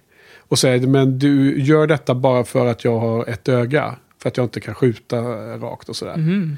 Och då säger hon nej du, du gör det här just, just för att det är du liksom. Ja. För att hon vill eh, att han ska ta hand om Dawn. Det är hennes eh, käraste ägodel, Dawn. Ja, ja men eh, det var nästan tur att jag missade det då, för att jag, jag fick, jag bara, vad fan är det som händer nu när han eh, kloroformar henne? Ja. Och sen, ja, det är lite överraskande faktiskt. ja, men, och sen, eh, det här händer ju lite senare, men jag kan ta det samtidigt nu i alla fall. Så, man får ju se när hon vaknar upp. Ja, Och då var det också väldigt oväntat att hon tasar honom. Var ja det är väldigt snabbt ifrån? tänkt där. Han, han borde ha lärt sig det att hon är mer... Men Snabbtänkt, det är inte många som går runt med en taser, det kanske. Ja, men alltså... Hon hade ju inte ens en... Hon hade en knappt vaknat upp då, så hon tog honom med surprise där. Ja, men, men hon hade ju inte ens en, en sån steak med sig när hon gick ensam till den här vampyren. Men, men hon åker med, med Sanders så har hon med sin taser. Ja, ja nej, det kan man väl tycka vad man vill. Men å andra sidan är de mitt i en krigssituation. Så att när hon går ut till bilen och letar efter sina grejer, hon kanske har med sig lite sådana här prylar hela tiden nu. När Sunnydale är end of days. Men en taser. Ja, ja okej. Sen är det någon scen, eh, ja men vi får gå vidare då. Det är ovant för dig att inte hålla i trådarna. Nej då, ja. Men eh, nej, jag kommer inte riktigt ihåg alla scenerna i, i ordning. Så säg vad som händer efter Sander. Jo, då gör Caleb en fusion dance med The First och Ah. får eh, oljiga ögon. Just det. Då såg han ut som Willow såg ut lite va? När Ja. hon var ond. Fast- Så att, lite, jag tyckte det var lite bättre makeup på Caleb faktiskt. okej, okej, möjligt. Men, ja. Eh, och sen får vi se en scen där Buffy och Spike har ett lite sådär awkward dagen efter-snack. ja. Eh, där de, de, de kallar väl typ... Eh, jag har skrivit upp här, you're, you're dope and shirty. Vad fan betyder det? Ja. Shirty. Men, men de... Och, och eh, Spike kallar ju henne också för Carrot Top. Eh, hela den scenen kändes faktiskt jäkligt, igen, mycket som slutet på Clerks 2. Den här väldigt awkwarda kärleksförklaringen som de gör för varandra. Den är Så väldigt fan liknande. vad, vad skönt att du tar upp Clerks 2 igen, Johan. Därför att du kan ingen säga att jag har pratat om Firefly för mycket under den här podden. Nej. För du måste ändå leda nu i antal gånger till referenser till något externt. Men Firefly känns väl ändå mer... Ja, men, det- jo, men liksom, jag refererar till det för mycket och du refererar till Clerks 2 för mycket. Men jag tror du måste ha vunnit nu, va? Eller? Nej, det tror jag inte. Tror du inte det? Äh, Jag, vet inte, jag har bara fått det på hjärnan Ja. Ja, men den, den, den scenen är ju... Eh, är det inte lite som ett mikrokosmos att, att, som är, beskriver lite deras relation där hon säger någonting och han tror att... Alltså de missförstår varandra och han tror att hon är liksom... Eh, alltså hur är det? De, de refererar till att de spenderar den här fina natten ihop. Ja. Inte sex utan bara öm natt. Ja. Och, men både, eller framförallt Spike är ju som på sin vakt att inte bli dissad av Buffy. Och Ja. Hon säger något och han misstolkar det direkt som att hon ska vara elak. Men sen visar det sig att hon, hon vill ju tacka för det. Hon säger att det var viktigt för henne och allt det här. Det är ju en väldigt fin scen i slutet. Men det är liksom nästan som att den återspelar deras lilla resa. Det här med liksom att de inte har nått varandra förrän nu precis i slutet. Kan Ja. jag tycka. Liksom liten, liten sån spegling av deras relation. ja, men den var ganska fin tycker jag. Ja, det var en fin scen. Jag har också skrivit det. Åh, åh Spike bara liksom. Scenen med honom och Love Con- Conquers All liksom. Men jag tycker också att den här spär på ännu mer min irritation över manusförfattarna här. Av precis samma ämne som vi redan pratat om några gånger. Det här med att Spike säger någonting. Ah, you are back at the bosom. Som jag tolkar som ett brittisk slang för att ja, du är tillbaks vid huset, vad heter det? He- hemma i... Eh, där du hör till liksom. Precis som att det var hon som... Att det var hennes fel på något sätt hon blev utrustad ur huset. Alltså jag- nu vet jag inte om, om det var menat att det var det han skulle antyda. Men jag fick den vibben när jag såg... Ja, jag fattade Scenen. faktiskt inte vad de menade med back at the bosom. Jag bara, ja, jag fattar inte. Så tänkte jag inte mer på det. Liksom, eh, Ja, men jag, jag förstår mer när du... Eh, det är så jag tolkar det. Men, men det är också jättekonstigt för att Spike var ju jättearg på dem och skällde ut dem för deras illojalitet. Så att eh, det var en dåligt vald hälsningsfras att hon var tillbaks. Mm. Eh, den missade ytterligare en gång chansen att kommentera det faktum att hon faktiskt var tillbaks i huset. Ja. Det var liksom som att... Så hade han kunnat sagt om hon hade varit en, eh, du vet, på rymmen. Men ångrat sig, kommit tillbaks. Mm. Då hade han kunnat säga den kommentaren. Så upplever jag den kommentaren. Och då, att den, att den inte differentierades då när hon faktiskt hade kommit tillbaks som en hjältinna och räddat folk i, i tunnlarna där med explosionen och allt vad det är. Va? ja, men det känns inte som det betyder någonting. För det känns som så här, ja men imorgon kan de göra samma sak igen. För, för Buffy har ju redan gjort den här saken mot, för dem så många gånger. Och det verkar inte ha betytt någonting. Och då, varför skulle den här gången vara annorlunda? Ja. Det känns bara, de säger inte tack och det känns som att minsta lilla felsteg Buffy gör igen så kommer de lämna henne igen. Liksom. Ja. Ja, ja. Nej, nu kommer Patrik snart tycka att vi eh, snackar, snackar om samma sak för mycket. Ja, men, Låt eh, oss gå vidare. Ja, det är sant. Men jag tyckte det lät lite som i den scenen som att eh, de hade fått ett soundtrack också. Ja, Mhm. Kan det vara så? Vad menar du? Fått en soundtrack? För, för eh, Buffy och Angel har ju ett soundtrack. Ja, du liksom. en, en, en, en, låt, kärleksmelodi lite led- liksom. led- en ett eh, theme. love theme. Ja. Love theme, ja. ja. Jag tyckte det lät som det, men det kanske är att jag... Jag, jag har ju varit lite missnöjd med musiken här i slutet på serien. Att de har underutnyttjat det riktigt starka themes, alltså Mm. sou- sou- soundtracket. Ehm, och jag kände några gånger att det var som att det här borde ha funnits en väldigt stark Ja, musikslinga. Men jag, jag tyckte bara att jag saknade det i de här två sista avsnitten Ja. också. men det är kanske bara att jag försökte verkligen lyssna. Det, att jag verkligen ville ha ett, så tolka in att det var, ja men det här är deras theme, det här har jag hört förut. Ja, alltså... Men jag har säkert hört det förut, men i så här helt skilda, som inte, som inte är themiga liksom. Det var några gånger som det var en, eh, en enstaka ton som man kände att nu kanske liksom den där otroligt starka melodin från eh, The Gift när hon eh, dör i sista avsnittet på säsong 5 skulle komma. Att, men en sån stark låt har liksom inte dykt upp någon gång i säsong Nej. 7. men men den, den, är, den är så påtaglig i mitt huvud så att jag nästan liksom önskar att den ska komma lite här och där. Så fort det är liksom en begynnande ton mot någon liten musik i bakgrunden så Mm. vill man höra den Ja. igen. Men sen så säger ju eh, han att we'll go be heroes, så lämnar han dem. Mm. Och eh, så för, försvinner Anja och eh, Andrev. Andrevia. De försvinner iväg och eh, på ett uppdrag. Eller de, de tar väl det uppdraget själva, att hitta supplies till de eh, Ja. sjuka där. Och då håller ju Anja sitt tal och till mänskligheten. Just det. It's gonna be bad, isn't it? Yeah. So how come you're here? I mean, you could just go, right? Yeah. I did once before. Before what?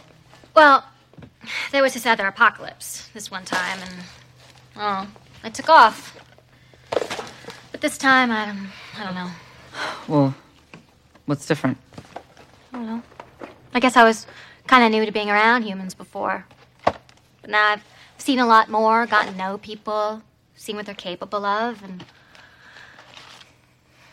I guess I just realized how amazingly screwed up they all are. I mean, really, really screwed up in a monumental fashion. Oh. And they have no purpose that unites them, so they just drift around, blundering through life until they die. Which they they know is coming, yet every single one of them is surprised when it happens to them. They're incapable of thinking about what they want beyond the moment. They kill each other, which is clearly insane. And yet here's the thing. And it's something that really matters. They fight. I mean, they're lame morons for fighting, but they do. They never. They never quit.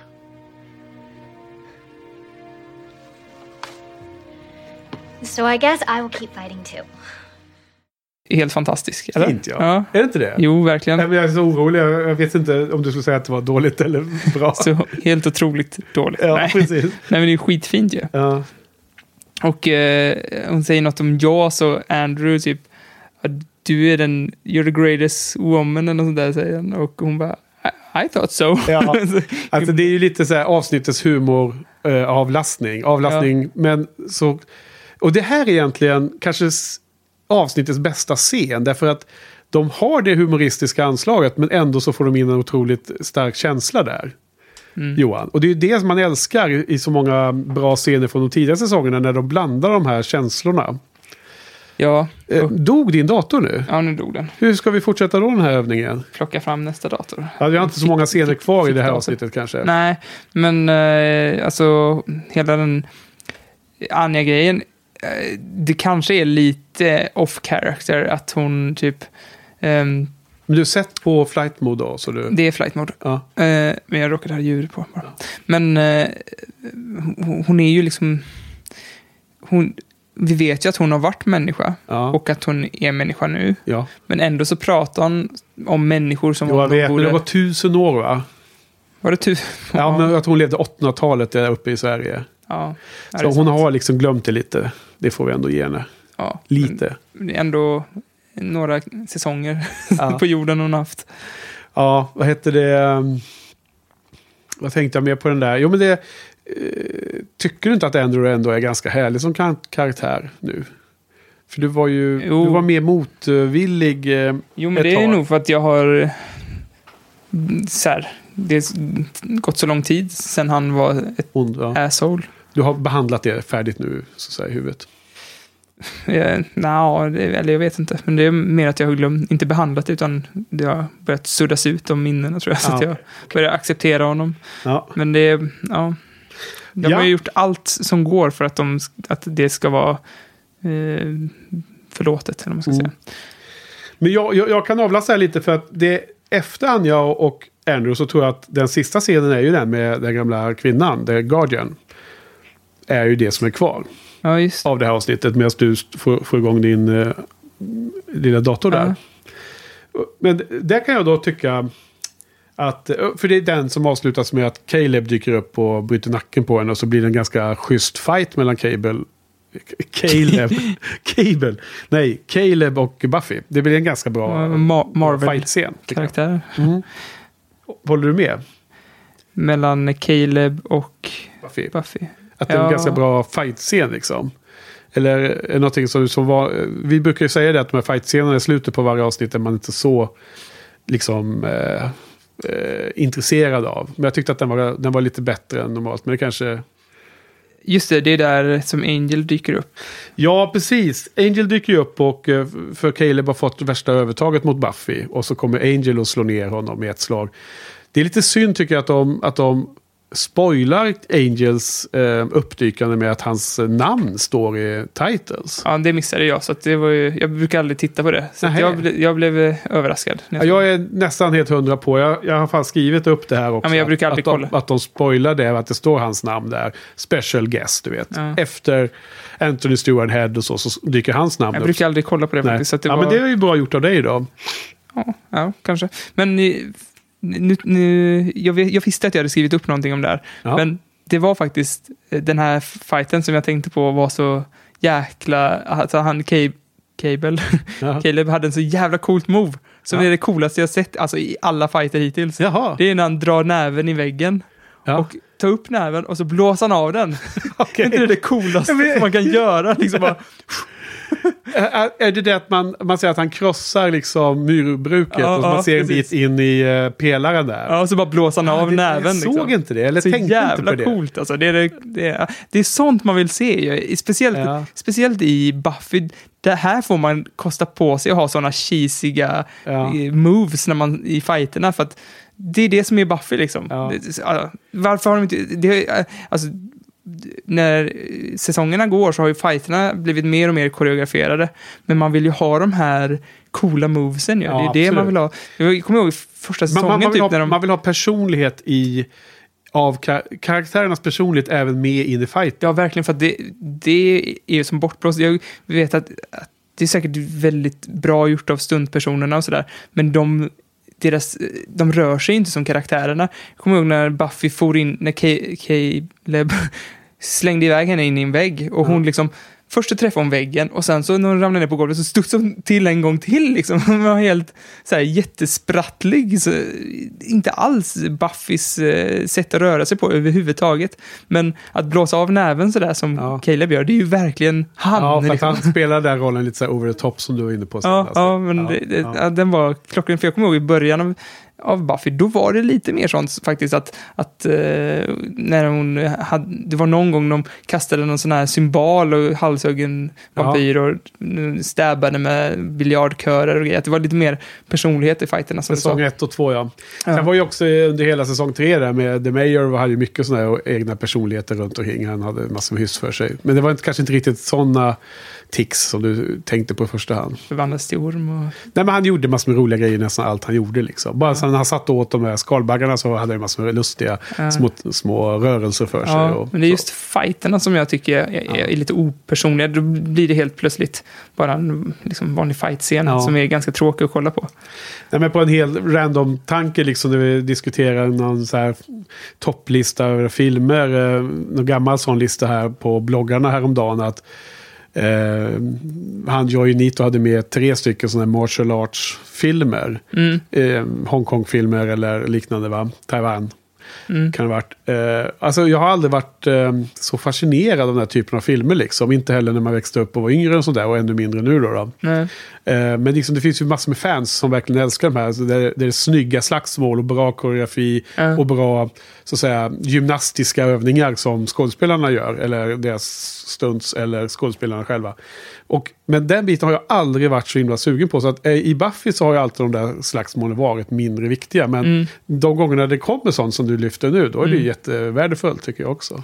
Ja, för, det har de ju verkligen gjort i Daredevil. Där har de har ju gått all in på koreografin just. In, lite personlighet, Eftersom men han inte... är blind då, vilket gör det ännu mer ab- absurt. Ja, ja, men det... Det, Det det, är ju i och för sig inte samma typ av show. Som, det är ju mer så här... Jet, om man säger att det är Jet Li och... Eh, kan säga att eh, Buffy är mer... Vad heter han? Drunken Master. li- Lite så här... Eh, ja, Chan, vad heter han? Jackie Chan. Ja, Jackie Chan. Det är just med de där filmerna ju. Det är mer personlighet i slagsmålen, kanske inte Ja. lika... Det är säkert, jag vet inte, jag kan inte, men det är säkert lika utmanande, både Jet Li och Jackie Ja. Chans moves. Ja, ingen aning. Ja, okej. Vad har du mer då? Ja, sen kommer ju det här hånglet med eh, Angel. Den här eh, Hello-kyssen som vi kallar det Ja, senare. Ja, och du har redan lyft det här med att The First eh, eh, står bredvid eh, Spike och sekunderar honom i hans svartsjuka. Mm. Och det får ju liksom inte riktigt någon uppföljning sen. Men ja, det var väl trevligt att se Angel tycker jag. Han är, inte, han är ganska cool egentligen den skådespelaren. ja men jag störde mig. Han, han säger ju, jag vet, kommer inte ihåg om det är nu eller fall i början av nästa avsnitt. Där, där eh, han säger att eh, Nej, det är ingenting han säger. Han kommer ju in och liksom räddar Buffy. Och Ja. sen får Buffy avsluta fighten. Ja. Och då så säger han, "Eh, det är ju inte direkt någon damsel in distress. Så var det ju exakt det det var. Det var ju en damsel in distress. Hon höll ju på att dö och Buffy räddade henne. och så Ja, fick hon Angel räddar henne ja. Ja, och, eh, och så bara nej, det, det var ju exakt så. Det hade varit Ja. coolare ifall de, som Angel sa, shoulder mot shoulder slogs mot Caleb och, vad- och att de tillsammans lyckades plocka honom. ja. Men nu var det ju bara att han räddade henne och så fick hon avsluta det. Och det kändes, det kändes lite tråkigt. Det hade varit coolt för att Ja. man, man så här, jag, nu gillar jag ju Angel. Ja. så att det hade varit coolt att se dem fighta sida vid sida som... En gång till. Ja. Ja. Men jag, jag, gill- ja, jag håller med. Jag håller med. Och jag, jag fångade inte upp den ologiska saken som du lyfter här nu. Jag kommer inte ihåg den dialogen, men det, har du skrivit upp den så var det ju så. Nej men eh, det med shoulder mot shoulder sa han i, med tanke på att Hela, hela nej, men det här med slutet av... in distress menar jag. Ja, För det verkar ju nästan rent ut sagt svagt av showen att skriva det så. ja. Men, men en annan sak som jag tycker är också konstig det är ju att i början av nästa avsnitt så om vi avslutar den här scenen där Angel är med, för den avslutar ju här och så är den i början av nästa. Det är liksom att, ah, nu ska jag vara här och hjälpa dig och det känns ju kul. Men jaha, då har de ju bara fått låna... Oj, ja. kom hostan tillbaks. De har ju, jag hörde lite på kommentarspåret från Joss där på sista avsnittet. De hade ju bara hans skådespelare för en, en dag shooting. Fick göra allting väldigt, väldigt forcerat och snabbt. Så att, det var ju så, han var ju tvungen tillbaka till sitt jobb, skådisen. ja. Så Angel är inte med i sista. Och då ska de hitta på ett, eh, ett, ett, ett logiskt anledning till att Buffy ber honom inte vara i Sunnydale. Vilket är helt ologiskt eftersom hon har bara skrikit en hel säsong om att vi måste ha kvar Spike för han är den enda duktiga krigaren jag har. Nu har hon helt plötsligt en som är minst lika bra som Spike. Men då väljer hon att säga nej, du måste vara den andra, the second line. Och det är som att förlorar de Sunnydale, de har, en- de har liksom ett, en open hell, hellmouth. Då, då är det ingen second line i Los Angeles liksom fem mil längre bort. Då är liksom hela världen overrun. ja. Alltså, varför skulle det hjälpa att någon sitter i i ett hotell i Los Angeles och fightas emot? Alltså, då måste man säga, men då ska hela eh, Klippiga bergen vara liksom en second line och hela liksom kusten norrut, söderut, Mexiko. Jag menar, det, det, det, liksom, det måste nästan varit ett skämt den, den raden i, i dialogen. Och, och Angel bara, ja just det, okej, ja, men då åker jag. Det är nästan som att de, de gör som en, egen, en parodi på, på sin egen show där. Att han, han dyker upp och sen så är det bara, hon säger något helt random och sen åker han bara. Ja, lite lustigt. ja. Men du, eh, då är vi klara nu. Tiden rullar på. Vi, eh, vi är klara med det här. End of Days va? ja. Så eh, den totala känslan är lite att det är ganska... Det känns lite som ett transportavsnitt trots det mäktiga avsnittsnamnet End of Days. Som för övrigt nämns i någon dialog ganska lite så här i en bi, bisats känns det som. Och eh, då plockar man upp det avsnittsnamnet. Det känns inte som att det har eh, lika stor betydelse som det känns som när man slår på avsnittet. Liksom det, så det har ingen större betydelse för handlingen sen, Nej. just den titeln som, som titlarna ibland har haft. Men eh, lite transportsträcka avsnitt för mig. Eh, ganska, några, några ganska bra sådana här eh, scener mellan två personer. Buffy Sander, Anja, Andrew, Buffy Spike, Angel, Buffy. Eh, som, som var det positiva, men liksom handlingsmässigt så var det lite svajigt då, som varit inne på många gånger. Så att jag tycker det är en sexa, sjua för mig ungefär. Någonstans. Vad tyckte du? ja, en sexa. Ja. Vad då var det dåligt det? Nej, men jag orkar inte ha samma betyg som det hela tiden. Okej, men du får säga först på nästa istället. Så får du ändra ditt betyg och säga något. Nej, men jag, har, jag, har min, ehm, jag har mitt eh, fuskbetyg på nästa avsnitt redan klart, så jag ska inte ändra mig. Ska vi ta en kort paus? Fuskbetyg. Ja, jag har också ett fuskbetyg på nästa. Har du det? ja. Showsen kommer Ja. snart. Eh, I en kär- podd nära dig. Kära lyssnare, sitt kvar vid eh, högtalaren så kommer vi tillbaks. You think you have power over me? Stupid girl. You'll never stop me. You don't have the power. Who does nowadays?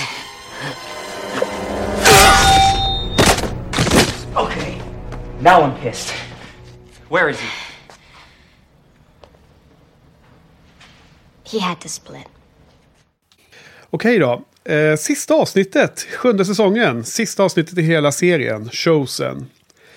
Och eh, ja, det här är det avsnittet, eh, som synopsis kan man säga att det är det här avsnittet som säsong, serien avslutas med. Ja. Och allting. Eh, så vi, låt oss ta lite kommentarer runt det. Vi har redan täckt in en del, hel del fa- faktiskt Johan, när det gäller generella. ja, jag märkte det när jag läste igenom mina anteckningar. Ja, du har jättemånga kommentarer där. Lustigt. Ehm, men det börjar ju här med eh, en ganska eh, kul scen där Buffy och Caleb håller på att fortsätta att fightas. Och eh, när Buffy har dödat, när hon dödar honom till slut då, då med yxan där upp mellan benen och had to spli, splitta honom. Ja, så kör hon ju en Arnold-quote där. Det är ju från The Running Man. Jaha. He had to split. Ja, Det är ett av de klassiska Arnold-citaten. ja. Alltså det måste ju vara det de har tänkt på när de skrev det avsnittet. Hon, hon skrattar ju också så här som man nästan kan tycka att, att det är som att skådespelaren inte kan hålla sig. Tänkte du på det, att det var en sån scen? ja just det. Jag tänkte hon skrattade lite konstigt där faktiskt. Ja. Så jag tänkte, ja men är det, hon, är det Sarah Michelle Gellar som visar prov på att hon inte kan skratta igen? Eller är det, är det hennes genuina Ja. skratt? Ja, nej, jag nästan så här, man önskar att det är liksom skådespelaren som inte kan hålla sig. Ja, för det var ju lite ett sånt skratt som man gärna skulle vilja ha. Det var det, ett sånt skratt jag pratade om att jag ville ha då när det var någon gång mellan Giles och Buffy eh, när de inte kunde skratta. Det var mer så här genom näsan, Ja, ja, att inte kunna hålla sig för skratt, skratt liksom. ja, just det. Men eh, sen var det också en lite sån Joss-skämt att, att eh, när hon dödade eh, Caleb, då, då höll han ju på och sa ett pompöst speech. Han höll på där. Det var ju liksom så här, det kör ju Joss ofta. Det är samma sak i Avengers med Ja, Loke som säger något pompöst. Och, ja, eh, Puny Gods. ja, och då när, vad heter det, Hulken dun, dunkar honom. Ja, Jag äl, äl, äl, älskar det. Men, men alltså, jag tänkte på det från start. Liksom. Alltså hela den här scenen och med, hela med Angel och liksom, det- hela den introgrejen. Bara, vad hände här? Nu kändes dialogen så himla mycket mer Joss än vad den har gjort på hela säsongen. Liksom. Ja. Den blev jättejossig helt plötsligt. Ja, nu är det ju Joss som har skrivit och regisserat det här då, då så att det ska vi kommentera också. Ja, just det. Så att det var ju kul. Eh, Och hon säger ju... Eh, jag har skrivit upp exempel på jossig dialog här. Han säger eh, om den här amuletten som man eh, whip, whippar ut. ja, Eh, så säger ju Buffy explainy. Det kändes väldigt Ja. joss. just det. Eh, kanske lite så att de vill liksom eh, blinka tillbaka till sin egen eh, seriens eh, första säsonger med att lägga in lite sådana extra markörer liksom för att man ska tänka på hur det var mer i början där när det var mycket Ja. sån dialog. Mm. Kan jag tänka mig att de ville göra. Du hade någon kommentar om Angel där också. Ja, men det var också att jag, vi kan dra det snabbt så att vi behöver inte anmärka allt dåligt. Men jag, hela den grejen med att Angel är så svartsjuk på Spike. Det kändes som vi redan tragglat det och det kändes som att deras kärleksrelation kunde fått, fått vara avslutad. De kunde ju, de kunde ju liksom älska varandra på ett annat sätt nu tycker jag. Ja, som eh, Moses Blaze och Willie Garvin. ja, men precis. Ja, Att de, jag tyckte de kunde slått sida vid sida och att han Mm. typ dunkar henne i ryggen när eh, hon säger att hon inte vet Ja. ifall hon, är kär i Spike eller ja inte. precis. Gör en high five istället för Ja. en kyss. Men ja, Men samtidigt, samtidigt så var det lite charmigt att se honom svartsjuk, Ja. men, men eh, hellre en dunk i ryggen och en Ja. high five. Och, Ja, man, det är väl kanske en missed opportunity. Jag hade också köpt en sån scen och tyckt att det var lite fräscht. Men det enda jag kan tänka mig och spekulera här är väl att, att showen vill, Joss vill liksom göra de här blinkningarna tillbaks till deras historik. Mm, liksom. så. Och så ska liksom tittarna bli nostalgiska över resan man har sett liksom genom åren. Ja, Mm. tråkigt. Eh, sen generellt sett på strukturen på sista avsnittet så tycker jag att det är ganska typiskt Joss också. Han, han liksom... Han väljer ju inte att göra det 45 minuter action från början till slut. Utan han, han tar ju sig en ganska god tid på sig att vara ja, långsamma scener. Mm. Och sen har han action i sista halvan. Ja, Och det tycker jag är Buffy och skönt. Angel sitter och har ett litet samtal där Ja. eh, efter, efter svartsjuke-grejen. Ja. Och av någon anledning så är Angel väldigt ur fokus hela tiden. Väldigt störigt. Alltså i, du menar fokus till kamera? Ja, jättekonstigt. Okej, jag tänkte inte på det.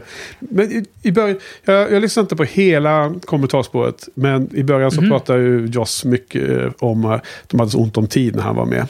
Fick spela Ja. in så himla många liksom, eh, eh, sidor, manuskript på väldigt kort tid när han eh, skådespelaren Angel var där, David. Kuriosa. Jag råkade sätta på fel undertexter till eh, den där Caleb dyker upp för första gången. Ja, Så att jag fick kommentatorspåret i, i textform. ja okej. Och då är det tydligen Joss som har skrivit hela den inledningsscenen med Caleb där. Ja, den är så bra. Den gillar jag. Ja, det är ju helt klart. Ja, härligt att höra. Mm. Då sa de, who's Joss? It's a new guy, red hair, got potential. Ja. Ja, vad har du mer då? Eh, nej, inget mer om Angel tror jag. Nope. Mm. Aha, boyfriend har jag skrivit upp. Det väl... Ja, precis. Ja, men det är mycket fram och tillbaka Ja. där. Ja, eh, nej men sen så håller de på att förbereda sig och eh, det är lite fler sådana här sista scener. Man känner, det känns som att det är sista gången de gör olika saker. Så det finns en, liksom en slags, slags eh, avslutningsfeeling över hela avsnittet tycker jag. De Mm. förbereder sig och de, liksom hela den här planen som, som Buffy förklarar för allihopa off-screen då, då, så vi ska inte veta exakt vad som ska hända. Men sen när de ställer upp sig och sådana saker liksom inne i skolan där. Bara att, bara att allting avslutas på Sunnydale High School är också en sån där back, back to, Mm. to the beginning. Även om den är återuppbyggd då, då eftersom den blev ju raserad tidigare. Eh, jag tycker det, Andrew har ju ett litet roligt tacktal där. Han börjar köra ett Oscars-tacktal. Ja. För att han liksom är med i gänget och han har äntligen fått en, en kontext. Och han, han, han är helt övertygad om att han ska dö. Just det, det var det nå- någonting jag tänkte skulle fråga dig om också. Liksom, de, de spelar det hela, de har ju spelat det länge som att Andrew ska dö. Men Ja. sen så är det ju han som överlever och Anja som dör. Ja. Vad, vad tycker du om det? Blev du liksom någon gång lurad eller, eller här, blev du överraskad när Anja fick Bite the Dust? N- nej, det var så mycket, många som dog så jag bara... Jag, tyvärr så blev jag, alltså jag blev säkert lite överraskad men jag kände inte att, att det kändes inte så mycket som att eh, det gav, de gav det inte så mycket tyngd Nej, som jag skulle vilja. Nej, okej. Det är ju två olika saker. Du, du eh, var inne på det tidigare ikväll. Du, du fick inte den, den känslomässiga impacten. Nej, men, men de har väl med saken med varandra att göra. Liksom, om, de, om det hade känts som ett hugg i hjärtat så hade det, då hade jag blivit mer överraskad. Ah, okej. Ja, så kan man se det också. Alltså jag bara, bara, bara tänkte att det, liksom, det brukar alltid vara så här att när någon säger att ja, nu klarar vi oss, då vet man att den personen kommer dö snart, i, om det är en actionfilm eller krig. Mm. Och någon säger så här, nej det går inget bra för mig, så är det tvärtom. Liksom. Det var ganska tydligt att man körde den, det knepet här, liksom, mellan de två. Just. Ja, för Joss har ju alltid varit duktig på att eh, liksom, om man ska ta livet av någon precis innan så ska man alltid se till att man har väldigt mycket känslor för den personen. Ja. Eller till exempel om två stycken ska göra slut, då ska oss komma med en häxpiss och ge till Willow liksom. Då, då vet man att Ja. snart kommer dolken liksom flygande. Ja, precis. Ehm, framförallt när det gäller relationer i, i Joss eh, Buffy-värld, så är det, när det är som bäst så är det precis innan det är slut. Ja, jag, jag ser den här häxpessen lite som en symbol för hur Joss jobbar med, med, med relationer och, sånt där. Att man först lyfter en person för att sen bara hugga huvudet av den. Ja. Men, men generellt sett, alltså, det var väl inte så himla många som dog egentligen. Alltså, om vi, eh, dels har vi de riktiga skobisarna, de eh, karaktärer som har följt länge. Mm. Och dels har vi alla de här potentials som är liksom mycket svåra att bedöma, för de eh, har man ingen relation till. Nej. Det var ju några av dem som dog. Om vi börjar med de här potentials. Alltså, hon som jag har kallat för Crazy Amanda hela tiden dog ju. Eh, Nu- i, Jag kommer ihåg var jag känner igen henne från nu. ja. Det är från Freaks and Geeks. ja, men det har vi ju nämnt också. Har vi gjort det? Ja, Jaha. det tror jag. Eller så är det bara jag som skrivit eh, show notes. Men jag har i alla fall kommenterat det någonstans. Fan, jag kanske inte lyssnar på dig då. ja, det, Fan, det är nog pins- inte helt otroligt. pinsamt om, om, eh, om, om jag har sagt kommenterat din kommentar, Ja. inte tagit in den. Nej, nej. Men i alla fall, hon, hon, eh, hon dör ju där i grottan. Ja. Eh, för är. Men sen när det gäller, och sen dör, tror jag att det är några fler som dör, men de flesta, alltså många potentials överlever ju och klarar sig. Kennedy och så här, de irriterande typerna. Men om vi tittar på skobisarna så är det ju bara två som dör så vitt jag skulle säga. Det är Spike och Anja. Mm. Och jag vet inte om du tänkte på den lilla kopplingen, men alla människorna av grundgänget överlever och alla demonerna dör. De båda demonerna Ja, dör. just det. Just det. Och alla andra överlever i, av själva den Mm. inre cirkeln. Mm. Så det är lite intressant hur man nu vill ha det så. Mm. Så, eh, ja. Eh, men du, vad känner du om Spike då? Med sin, sin uppoffring där och sista scenen med Buffy när han står och brinner och det lyser och han dödar Übervams kontinuerligt. jag tyckte sitt, den var ganska dålig. tycker du det? Ja, för det första så var den en, inte en McGuffin, men ett bara helt random grej som han, Ja, eh, han plockar på sig en random amulett och he, de har inte riktigt byggt upp för att han ska ta göra den här uppoffringen. Eller, Nej. det kändes inte som en... Man fattade inte riktigt vad som hände kände jag. Och när hon säger I love you, som jag... Ja, vi misstänkte väl att det skulle komma också. som hon liksom. Cassie förutspådde. Ja, Mm. så vi har väl misstänkt att det skulle komma. Och sen eh, så säger han You don't, men det är okej. så här. Och jag bara, men bara Ta emot. ta emot och Ja. sluta gnäll. Det är den här jävla tönt-Spike som är, du är ju tuff ju, eller Ja. jag vet inte. Men alltså du menar, ja okej, underbyggt, det är precis. Så att hade man på något sätt eh, diskuterat det här slutets möjlighet så hade man ju byggt upp en större anspänning hos oss tittare att se, ska verkligen Spark göra detta? Liksom? Ska Ja. han offra sig på det här sättet? Ja. Nu kommer det bara ut att man hinner nästan förstå vad som händer va? Ja, och väldigt behändigt också i, i sista avsnittet så kommer Angel. Man behöver någon som har fått tillbaka sin själ, men som Och en inte är demon längre. En champion. Gärna vitt hår kanske, från England, engelsk dialekt. Hade varit fint. Han ska vara Randy. Han ska vara Randy. Ja. Ja, nej men okej. Nej, men det var det i alla fall. Ehm, och då, ehm, ja, nej men jag, jag håller väl med. Alltså, samtidigt måste jag säga att jag tycker sista avsnittet är svårt att riktigt eh, kvantifiera hur bra det är. Därför att det är så himla speciellt att man vet att det är sista avsnittet också. Ja. Den har ju det för sig. Mm. Man är ju liksom, man är ju engagerad och känslosam av andra skäl än exakt det man ser på, på rutan också. Ja. För det är sista avsnittet menar jag. Jo. Så att, så att jag tycker att jag håller med om att det är ju långt ifrån den största känslomässiga impact som serien har givit mig över sju säsonger. Det finns ju jättemånga andra scener som känns mycket, mycket eh, mer känslosamma för mig. Ja, för jag, jag tänkte detta. mer så här tvärtom, typ att, att, jag, att eh, om man ska sätta betyg på den här så är det väldigt tydligt nu att, man, att jag kommer sätta betyg för hur jag känner och inte på kvaliteten hantverksmässigt. Liksom. För att jag tycker den hantverksmässigt är den under all kritik. Liksom. Men det, jag älskar ju avsnittet för att man får de här stunderna och Ja. liksom... Det, Jag är också inne på det lite, att det är på något sätt... Den avsnittet får ju klä... Som representera hela avslutningen av hela serien också. Så Mm. den innehåller så mycket mer. Det är därför som jag håller med precis vad du sa. mm, Att alltså, det är inte ett nitpickande om tekniska detaljer utan det är liksom en slags en resa som har gått i mål som det här Mm. avsnittet också ger en. Så att därför är det lite svårt att, att eh, ta ut.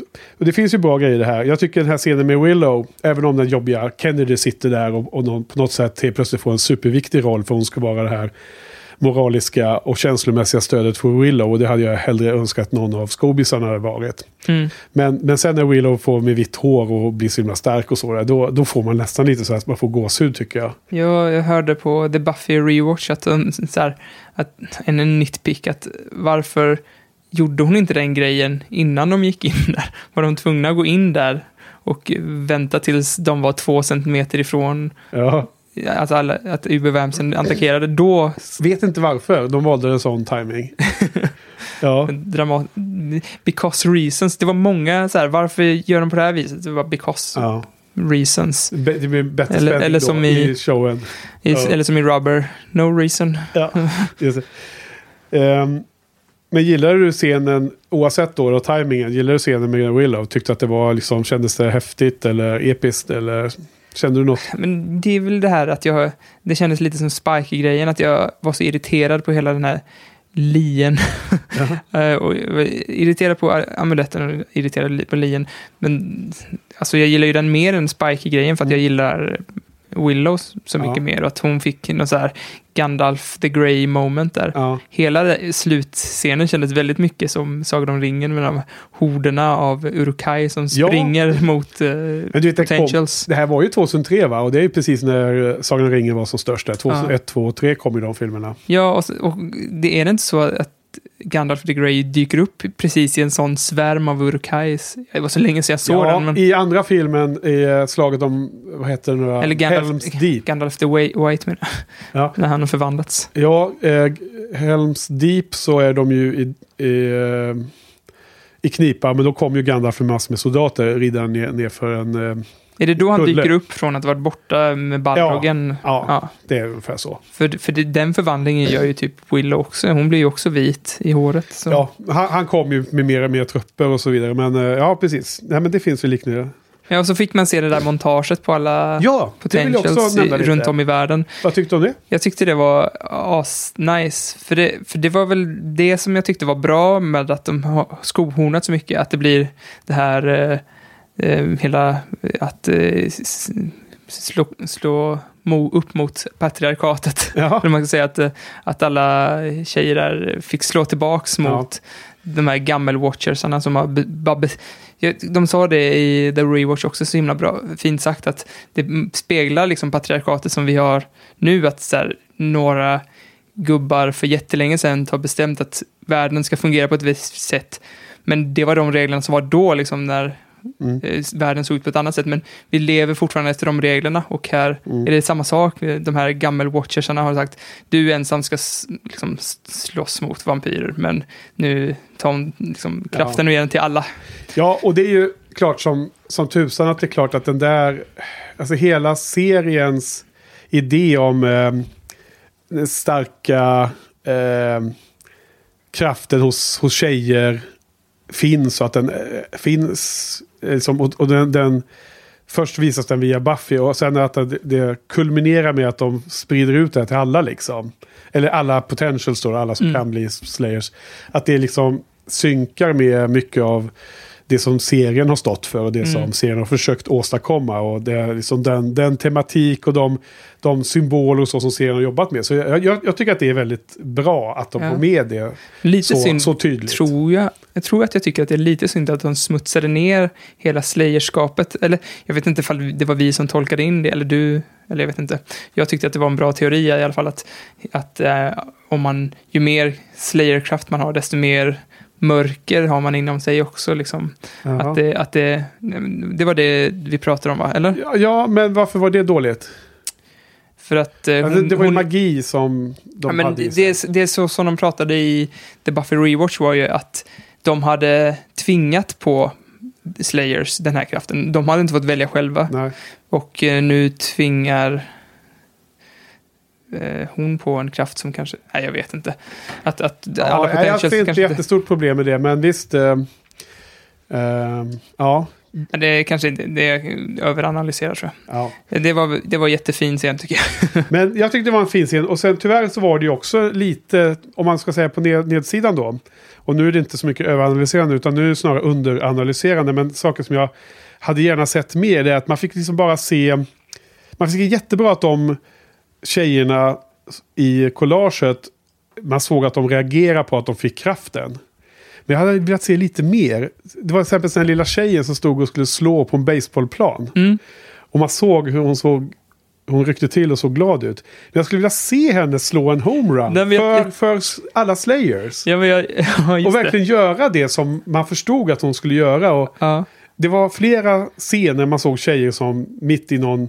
Det var någon som blev slagen till och med tror jag. Som man såg att Ja. hon liksom reagerade. Men då skulle man vilja se ett steg till. Jag tycker att det är lite för Nej, men snålt att inte tänk- ge dem, att eh, de godisbitarna till oss. Jag tyckte tvärtom att det var rätt coolt att, att man inte fick se det. Att, att det, det fick hända i våra huvuden, liksom, Ja. vad som hände Ja. efter att de fick den här kraften. Jag tyckte Ja. det var lite ballt faktiskt. Ja men okej, det är fine. Det kanske är bra då att låta det spelas i huvudet. Men då, jag skulle ändå vilja att de har collaget och, och man får inte se någon scen förutom sista slaget där då. Att man verkligen... Ja, att hon fick vara någon symbol för alla Ja. de här. Alltså att lyckas. För det är så ikoniskt som att slå en homerun för sitt lag. Mm. I sporten bokstavligen men också i kulturen och i uttryckssätt. Liksom, du vet. Mm. Eh, Nej, men eftersom Buffy eh, gjorde sin homerun så känns det som att de andra också gjorde sina homeruns. Ja, absolut. Det, det är så man tolkar det. Men jag, jag bara tänker på hur man ville visade på, på, på, på skärmen. Ja. Mm. Det var, Ja. blir mer symboliskt om man får se en ho- homerun liksom. Eh, ja, eller mindre symboliskt kanske, men jag tycker ändå att den var värd att visa.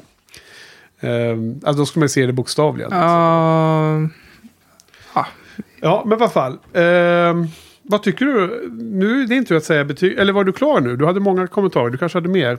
Jag hade inte så ja, mycket. jag hade, det var en scen som jag tyckte var, var nice, som var... eh, De, de hade liksom en sån där Michael Bay-åkning nästan på kameran. Okej. Och, och det var så roligt för att det var sån typisk Joss-scen också när apokalypsen kommer. Då ställer sig skobisarna och liksom, "Ah, vad ska vi göra imorgon då?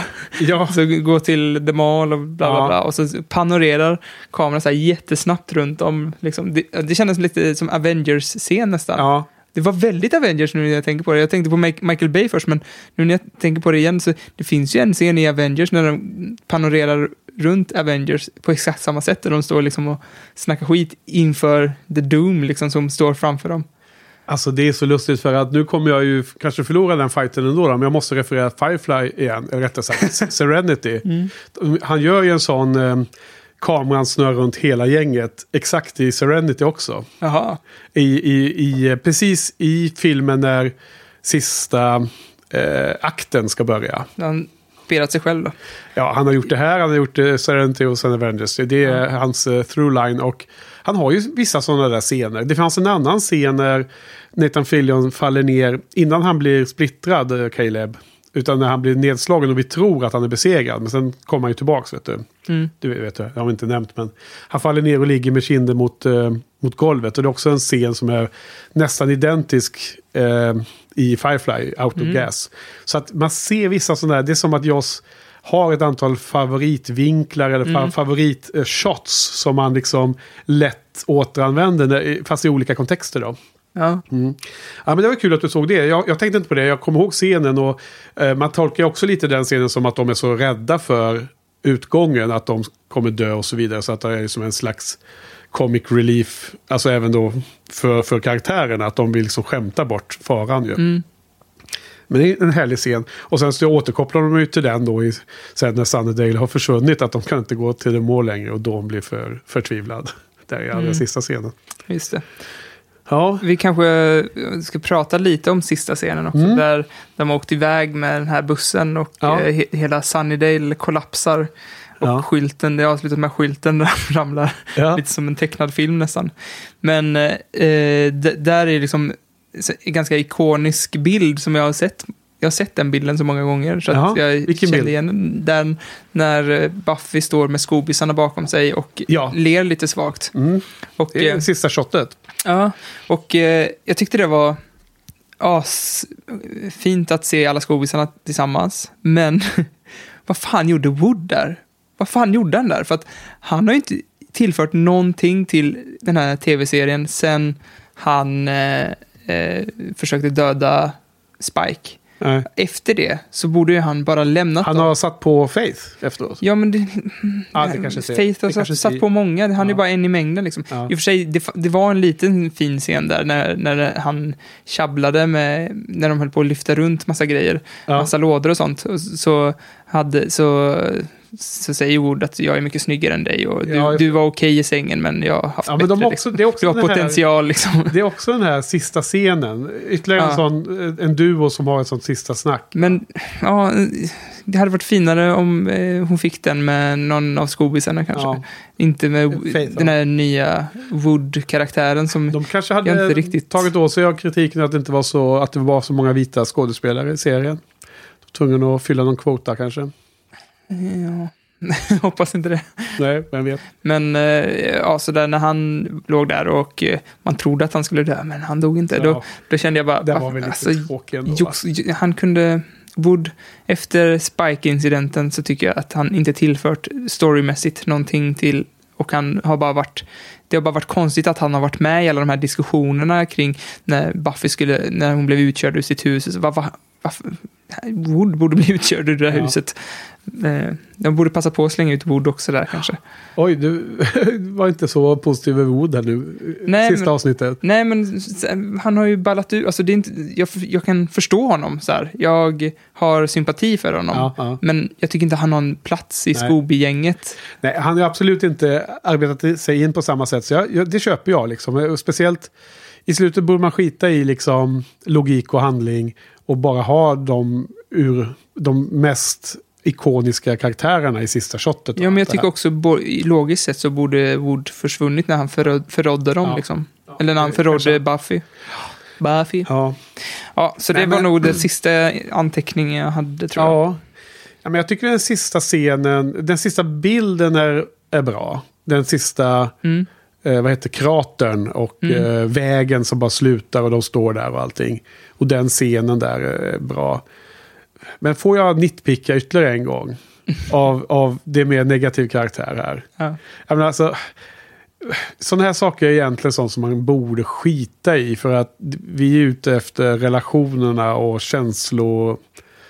Eh, utdelning av känslor som vi får av, av serien. Men det rent logiska i att Buffy springer på taken bredvid den här bussen som åker i full fart. Alltså först att hon är inne i skolan när den håller på att förintas. Ja. Och sen helt plötsligt, och bussen åker iväg. Om- vi börjar med det allra första. De lämnar Buffy igen. De bara åker utan henne. Bara, helt jävla crazy. Vad fan gör de det för? När de väl åkte iväg så kommer hon tydligen ut då i skolan. Och då finns det inga hus i närheten. För du vet att skolan har ju liksom sin eh, rastgård och liksom öppet så här runt en skola. Men helt plötsligt ser man henne inne i en stadskärna. Hoppande, springande på taket mellan hus. Ja. Som en annan liksom Marvel Universe-hjälte. Och sen hoppar hon över och ner, ner på bussen. Så hela den sekvensen tyvärr förtar ju lite av liksom det episka slutet när hela Sunnydale försvinner. Att, att de, de liksom måste tvinga in en actionsekvens som är helt ologisk. För du pratar själv om den här världen har ju logiska regler. Alltså Buffy Ja. kan inte flyga. Nej, Då hade hon ju flugit mycket tidigare just, i serien. Just den inkonsekvensen har vi ju sett prov på förut. När hon ibland kan hoppa liksom tre meter rakt upp i luften och sådär. men- Ja, Och ibland... Och jag ja. har själv sagt att det där får man ta med en axelryckning och en del av charmen av, av serien. Jag sa att det här var nitpicking, men det, det, det liksom stack för mycket i mina ögon den här gången. För det var inte bara att hoppa över ett, ett högt staket eller helt plötsligt bli lite starkare och slå upp en ståldörr och sådär. Utan, utan Jag- det var liksom på något sätt hela såg det sista mer som- scenen. Jag såg det mer som i klass med att blåsa av sin knytnäve. Att det, det, var, Ja. liksom, att det var eh, lite rolig scen snarare än hela den här amulettgrejen där man bygger upp så mycket kring just den grejen. Ja, Att lite det- att det- episka känslor. Ja. Men alltså, ja, okej. Och en, en sån liten rolig ton då på hennes, att hon är sån superhjälte. Hon är så himla hjälteaktig att hon klarar av det, även detta. Jag kanske kan köpa det då på någon teoretisk plan, men jag tycker att det, för, att det tar faktiskt lite ur sista scenens, Ja. sekvensens betydelse för mig. För att om man nu ska känna den som är allra sista scenen, i 144 avsnitt. Varför måste de då kladda ner den scenen med en sån skämtsam innehåll, alltså en liten detalj där. Med Buffy som springer hoppande på taket bredvid. Ja, ja, men där tycker vi nog bara olika. För att, eh, Ja. Jag tyckte det var lite charmigt. Det var kul. Men okej. då tyckte jag Wood-skämtet var tråkigare. Ja, nej, det tyckte inte jag heller var jättebra. Nej. Men eh, eh, om jag också får nitpicka en sista grej Ja, så var det ju typ att hon, Buffy blir stabbad och sen så, så höll hon på att dö och The First säger typ du kommer dö för du ja. håller på att dö. Och sen, Mortal wound har hon fått. Ja. och, vad, och vad är det då som gör att hon överkommer eller, den här stab woundet? Inget speciellt, hon bara ställer sig upp liksom. No reason. Ja. Hon bara överkom det. Fast eh, nu hittar jag på i efterhand. Jag, kommer inte, jag, jag kan inte se exakt sekvenserna i ordning. Men det kan vara att det sker samtidigt som Willow gör det där med yxan. Gör, gör sitt magitrick.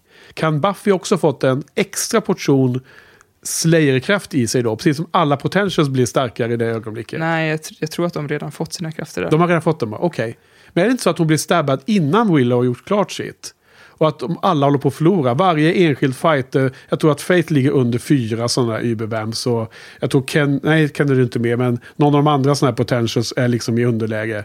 Och sen får man se hur alla liksom bara vinner sina fighter. Jag bara hittar på nu efterhand. Jo, men jag tror att det, det här, vi, jag kan kanske komma ihåg fel, men jag kommer ihåg att först så höll de på att förlora och sen så eh, fick, fick de kraften och sen så höll de på att förlora igen och sen slog de tillbaka helt utan anledning helt plötsligt. Ah, okay. ja.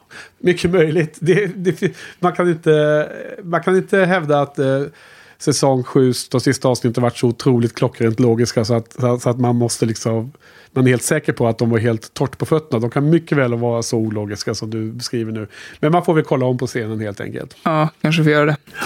Okej, okay. men du, ska vi wrap it up här så vi har lite tid kvar för vår topp 5-lista. Ja, just det. Vad ska vi säga om uh, betyget här? Ska Eh, vi säga först? jag säger en nia, bara för att jag kände jättemycket genom hela, hela det här avsnittet. Så kände jag att det, det var liksom apokalypsen var på riktigt nu, liksom, trots Ja. att det var väldigt dåligt gjort, så kände jag det här är faktiskt sl- slutet. Och jag, Ja. och jag bara sög åt mig varenda stund jag kunde få av skobisarna. Sen, som jag sagt förut, så typ det här med att potentialsarna, det hade kunnat, jag tänkte på det, det hade kunnat bli så jävla bra för att Joss har ju faktiskt gjort hela den här grejen efter det här, fast på ett bra sätt med X-Men, äh, Astonishing X-Men i serietidningsformat. Där han, där det också är liksom en skola av potentials inom, där det är liksom blivande Ja, just. X-Men. Det är med hon, Ex- eh, den lilla tjejen med Kitty vitt Pri- hår och så. Pride. Ja. Hon, är väl, Kitty Pride är väl typ Buffy, liksom. Hon är Okej. badass-tjejen där. Ja. Så att, ja, vill man ha hela den här potentials-storyn fast skrivet på ett bra sätt, då ska man ju läsa Astonishing X-Men av Joss Whedon. Ja. Och John Cassidy tror jag han heter. Okej, nice, nice. Ja, nej, men alltså, jag, jag, jag håller med om att det finns en väldigt speciell känsla att se avsnittet just på tanke på just för att det är det sista. Och det var därför jag tyckte det var så svårrankat. Och lite fuskbetyget är att det finns liksom ett betyg om man tittar på innehållet. Mm. Eh, vissa bra scener med de här liksom parscenerna med olika personer som avslutar saker och ting. Eh, härliga scener kombinerat med en hel del saker som verkar som kändes inte bra. Så då liksom någon sjua ungefär. Men givet att det är sista avsnittet och chosen och liksom sista scenen och ja, kanske någon form av känsla av apokalyps. Inte minst att apokalypsen är att, att serien är slut. Om man säger så. Det är slut sen, det finns inte mer. Gör ju att det liksom får extra värden där, extra poäng. Sen exakt vad det hamnar i, det vet jag inte riktigt. Så jag har faktiskt fortfarande liksom lite så här oklart att jag inte riktigt vet hur jag ska placera chosen i min eh, ranking. Mm. Så det var det som var fusket här, att jag vill ge den extra orapporterade extra poäng.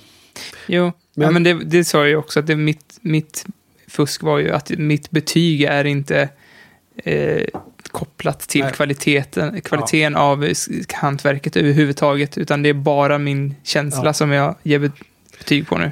Ja, nej men vad lustigt. Då har du och jag gjort samma fusk här då. Så du har du, då, har du, då har du äntligen i sista poddavsnittet lärt dig podd, vad heter det, betyg, eh, hur jag tänker på betygskala känns som. Vi är helt synkade när det gäller den också nu. That was nifty. Men du, ska vi gå in direkt på topplista eller? Ja. Ehm, hur ska vi göra där då, då? Ska vi köra femman upp till ettan som vanligt? Ja, Och lite kort kort bara då. då. det gör vi.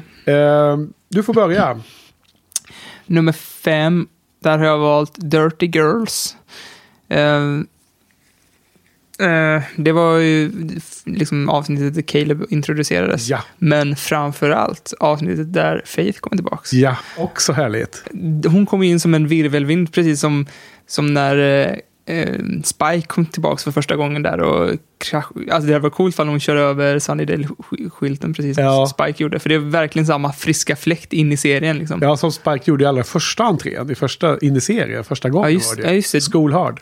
Precis, han gör ju en liknande grej när han kommer tillbaka. igen. Ja, men okej, det är ja. mer frisk fläkt första gången, det har du Ja, rätt i. Ja. ja, men eh, han gör ju en comeback sen också. Mm. ja. Eh, vad kul, för att jag har också Dirty Girls på femte plats. Mhm. Synkat. Ka- Caleb och allt som du redan sagt. Ja, så din fyra då? Det är Storyteller. För Jaha. jag är ju en sucker för de här konceptavsnitten alltså. Wow, okej. De konceptuella. Jag jag gillar ju ofta de... Eh, mitt, alltså mitt favoritavsnitt på hela serien känns ju som att det är... ehm, Ja, jag vet, jag vet, jag vet. Alltså det är ju eh, Sanders avsnitt, vad heter det? Seppo. Seppo, The, the Seppo. Ja, Ja. Men det, ja, men det har blivit lite ditt favoritavsnitt ju. Ja, så ja, och där finns ju också ganska fina scener mellan Anja och Sander som man Ja. chippar hårt. Okej då. Eh, min fyra, ja, det var där jag la Chosen nu då. Eh, sista avsnittet, Chosen. Mm. Fjärde plats, och vi har pratat mycket om det ikväll. Men det är jättesvårt att placera. Det har så, det har så eh, mer betydelse än, än många andra avsnitt. Men jag, jag har försökt liksom känna av i magkänslan vilka av de här Eh, för övrigt så har jag haft egentligen nio avsnitt av säsongen 22 som varit aktuella för mig. Och eh, fyra bubblare då, utanför topp fem. Och med Chosen kom på topp fem absolut. Och jag slutade med att jag bara, ah, fyra fick den bli. Mhm. Men jag, jag kan hålla med där om att säsongen känns lite luddig. Men det var egentligen bara fem aktuella avsnitt. För dig? Ja, och, så, och alltså ordningen är inte lika...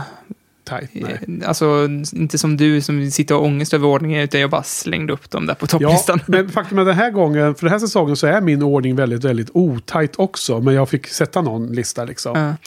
Okej, så men eh, då, får, då har du bara, då har du inga bubblare. Men då får jag, jag får nämna mina bubblare efteråt Mm. då. Men din trea då, vilken var det där? Eh, lies my parents told me. Eh, Okej. Och eh, det är ju ganska nyligen vi pratade om det, men det är ju när både Buffy och Spike gör en comeback och är badass igen. Eh, Ja. Framförallt Spike vill man ju se som är badass. Så, Absolut, det är den när Robin eh, försöker döda honom in i Ja, sin, eh, si, si, sitt hemliga eh, kidnappningsskjul där. Ja. Och Buffy är, ger Giles tough love, verkligen tough love. Ja, verkligen. Ja. Hon är grym där. Ja. Min eh, nummer tre på eh, topplistan är episod tre som heter Same Time Same Place. Det är ju det när Willow kommer tillbaka från England. Hon är så orolig för vad de andra ska tycka så hon blir osynlig för dem. Och de springer förbi varandra hela tiden. Och det, i slutet är det då när gnarlen äter på Willow inne i, Just där, i den där grottan. Jag tycker det avsnittet är så himla bra. Ja. Så att, eh, och den, den scenen är kanske den äckligaste scenen i hela eh, se- serien. Ja. När, när Willow ligger förlamad. Och Det är lite gnarlen sömn, äter. eh, sömnparalys, eh, mardröm nästan. Mardröm, ja. Precis. Och, och så mixas den med den otroligt roliga scenen när Dawn är förlamad. Ja, och, de ska bo, liksom bolla upp henne, äh, sätta upp henne i soffan. Hon ligger med ansiktet ner mot kudden. Ja, och just det. Vad, vad, vad heter det avsnittet? Eh, same time, same place. Det är min bubblare. Ja, Okej, bra, bra. Det var min trea. Ja. Min trea Nej, har jag redan din, sagt. din, din tvåa. Ja. Min tvåa däremot är Conversations with Dead People. Okej. Ehm, det är, ja, skitsamma. Uh, här, det är ju här storyn kickas igång ordentligt i säsongen egentligen. Ja. Och det börjar hända saker. Ja. Och här, det är här man känner att eh, The Big Bad har potential. Eh, Ja. No pun intended. Men alltså att han, eh, det känns som att man har det här härliga pusslet framför sig där man kommer få bit efter bit och som en liten munsbit liksom. Att man Ja, får mer och mer nycklar till vem den här The First är. ja. Sen tyckte jag att inte den levde upp till förväntningarna, men förväntningarna är ändå ganska härliga. Exakt, att, att, prat, att få förväntningarna är ju en del av det härliga. Liksom. Typ Ja. Kvällen före julafton är nästan bättre än julafton. Ja, exakt. Ja, okej. Ja, jag håller med. Mm. Var du klar? Ja. Min två är ju, som du redan då har nämnt, ett, ett avsnitt. Det är Storyteller. Mm. Alltså jag älskar det avsnittet mer och mer desto mer jag tänker på det med Andrews dokumentär och hela, hela humorn runt det avsnittet. Det hade man aldrig trott när man bara sett introt, för det verkar ju jättedåligt när man bara sett de första scenerna. Ja. Och sen bara växer det på en liksom. Ja, det växer på en, absolut. Så jag kan bara hålla med om det du också sa om den. Då. Jag, jag tror att jag börjar gissa vilken som är din nummer etta, men shoot, säg det för våra lyssnare. Ja, men det är ju chosen. Så, Såklart, ja. för att det, den, man fick ju den här, det, man vill ju känna någonting när man, och eh, det var ju liksom som ett, ett, man fick ett hål i bröstet lite grann Ja, i slutet av det här. ja precis. Och det, man, man, man, du, du häller i andra känslor i det avsnittet som också berör hela serien. Och det är också Ja. känner att det är det, det som är svårt att separera. Mm. Och man kanske inte alls behöver separera det, men jag, jag gjorde ju det lite mer då, då än du. Ja, men det är helt fine och jag tycker Chosen är ett värdigt eh, nummer ett för säsongen. Och jag har ju min etta, är kanske ingen överraskning för dig heller om du skulle tänka efter en sekund, men det är ju Conversations with Dead People såklart. Ska jag säga då. då. Mm. Ehm, för dels blir jag väldigt förtjust i dess struktur Ja. och dess idé med de här parallell, fyra parallella historierna och hur The First eh, eh, eh, vad heter det, framträder för skobisarna. Ja. Ta sig in i deras värld.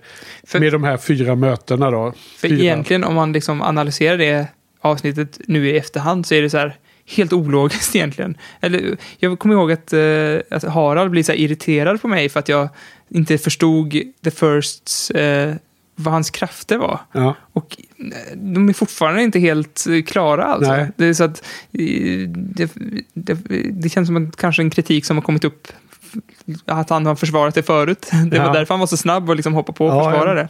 Jag vet inte, men eh, The First fick ju aldrig chansen att materialisera sig på jorden med, efter att hans vampyrer tagit över och så. Så att det hade kommit i framtiden ju, men Buffy lyckas hindra det. Så, se, så får man se Så det. han, så han kunde egentligen spela upp hela scener med massa olika människor, typ.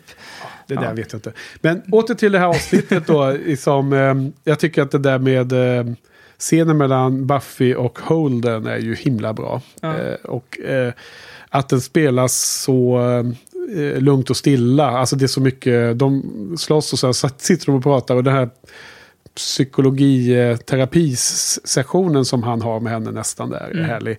Och sen såklart eh, Stranger Things-scenen med Dawn och eh, Ja, eh. Poltergeist i huset Ja. där då. Med, och mamman som återuppstår eller eh, visar sig för henne. Allt det där. Ja.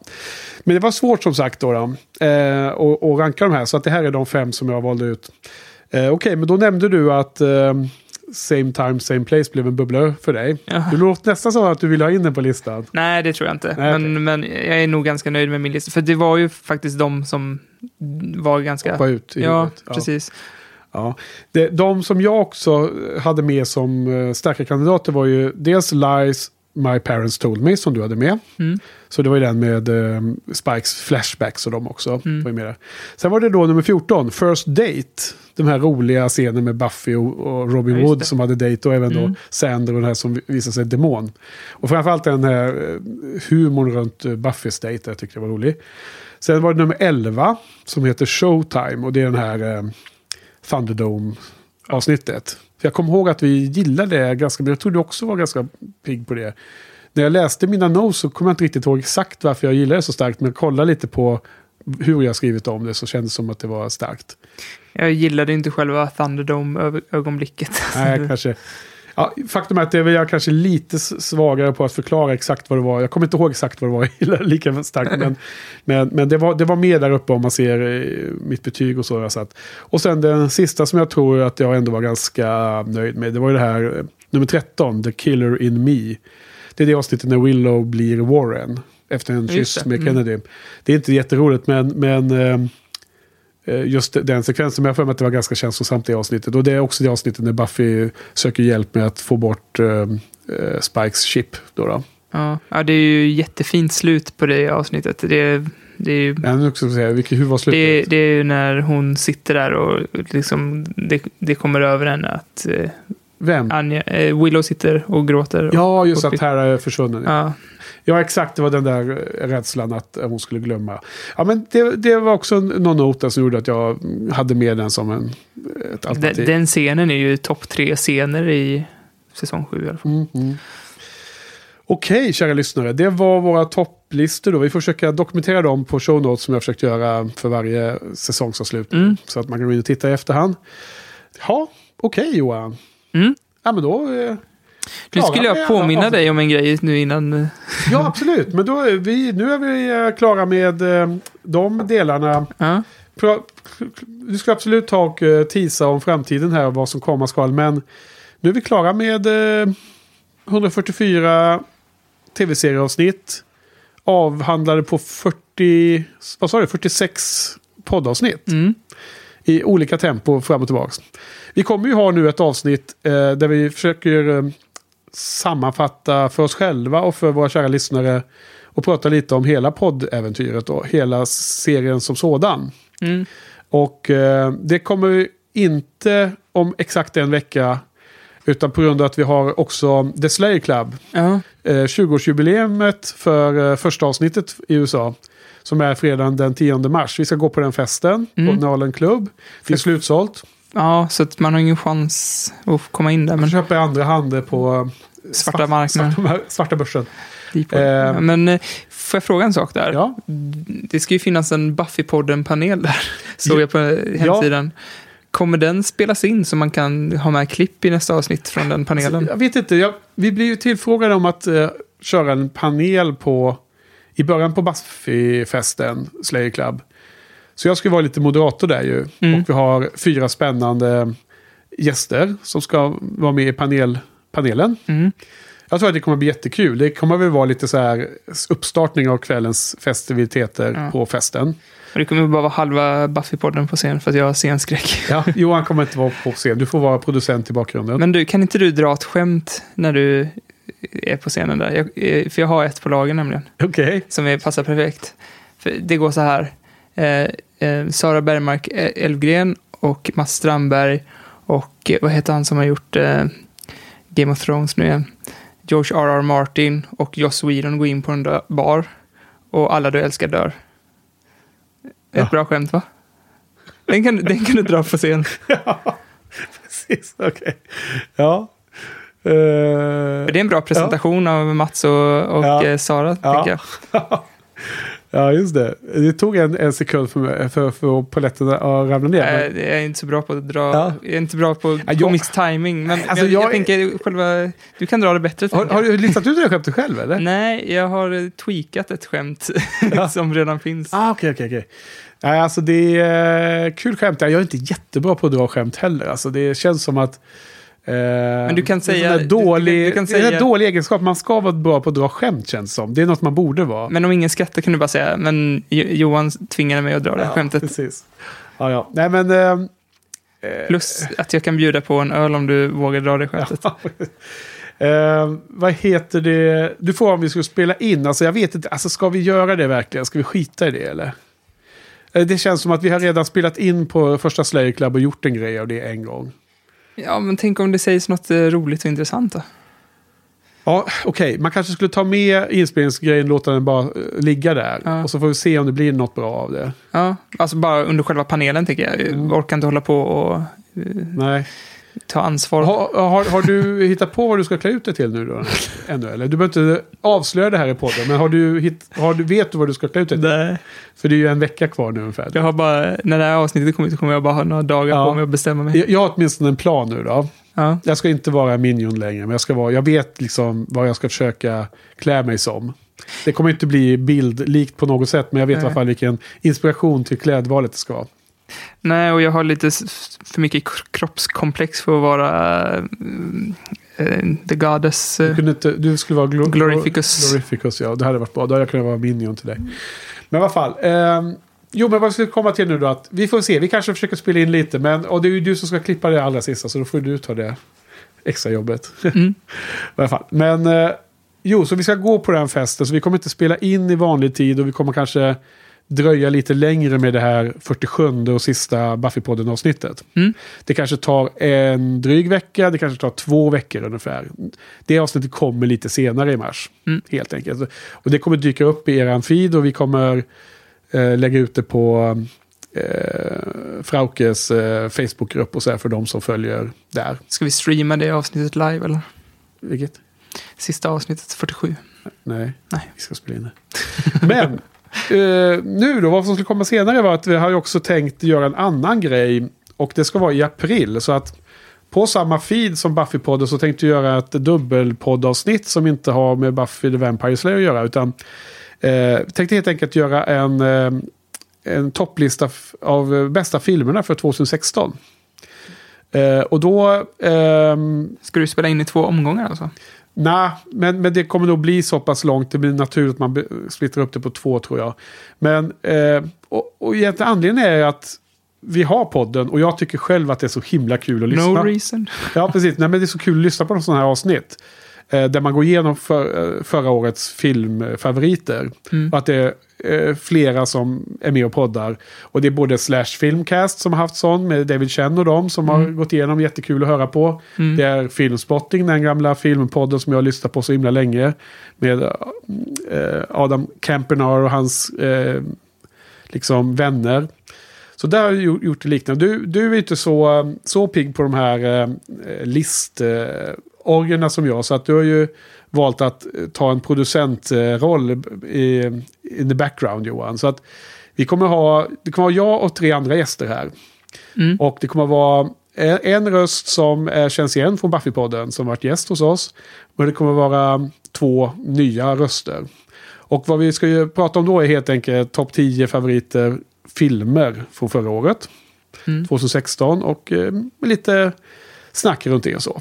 Och räkna ner och så. Det är för alla lyssnare hoppas jag kan tycka det är kul att lyssna på om man har allmänt filmintresse. Eller så får man ju bara ja, skippa det då om man, om man endast vill lyssna på Buffy-content på den här podden. Ett avsnitt kan de klara av tycker jag. Ja, det får de klara av.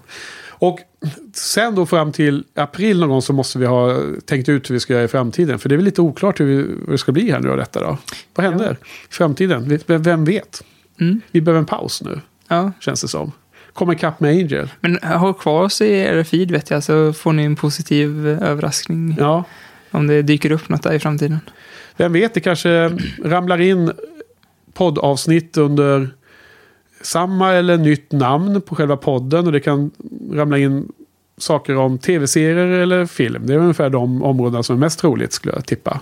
Ja, Kan hända. böcker, inte så troligt kanske. Musik? Nej. Nej, Politik? Uh, jag är glad att vi har hållit oss borta från det. Ja, fast ja, vi har inte helt hållit oss borta från det i och för sig. Då. Nej, Ibland har vi varit... vi har väl klippt bort det mesta som har rört Ja. politik. Ja, okej. Nej, men nu börjar vi närma oss vad vi ska prata om nästa gång. Vi wrap it up på hela, hela poddresan. Men eh, för ikväll då? Vad, ja, vad säger du? Är vi klara? Tack, säger jag. Tack Johan. Tack Henke. Tack Joss. Tack, för oss. Looks like the Hellmouth is officially closed for business. There's another one in Cleveland. Not to spoil the moment. We saved the world. We changed the world. I can feel them, Buffy. All over. Slayers are awakening everywhere. We'll have to find them. We will. Yes, because the mall was actually in Sunnydale, so there's no hope of going there tomorrow. You destroyed them all? I fought on the wrong side. All those shops gone. The Gap, Starbucks, Toys R Us. Who will remember all those landmarks unless we tell the world of them? We have a lot of work ahead of us. Can I push him in? You've got my vote. I just want to sleep, yo, for like a week. I guess we all could, if we wanted to. Yeah. The first is Scrunch, so. What do you think we should do, Buffy? Yeah, you're not the one and only chosen anymore. Just gotta live like a person. How's that feel? Yeah, Buffy. What are we gonna do now?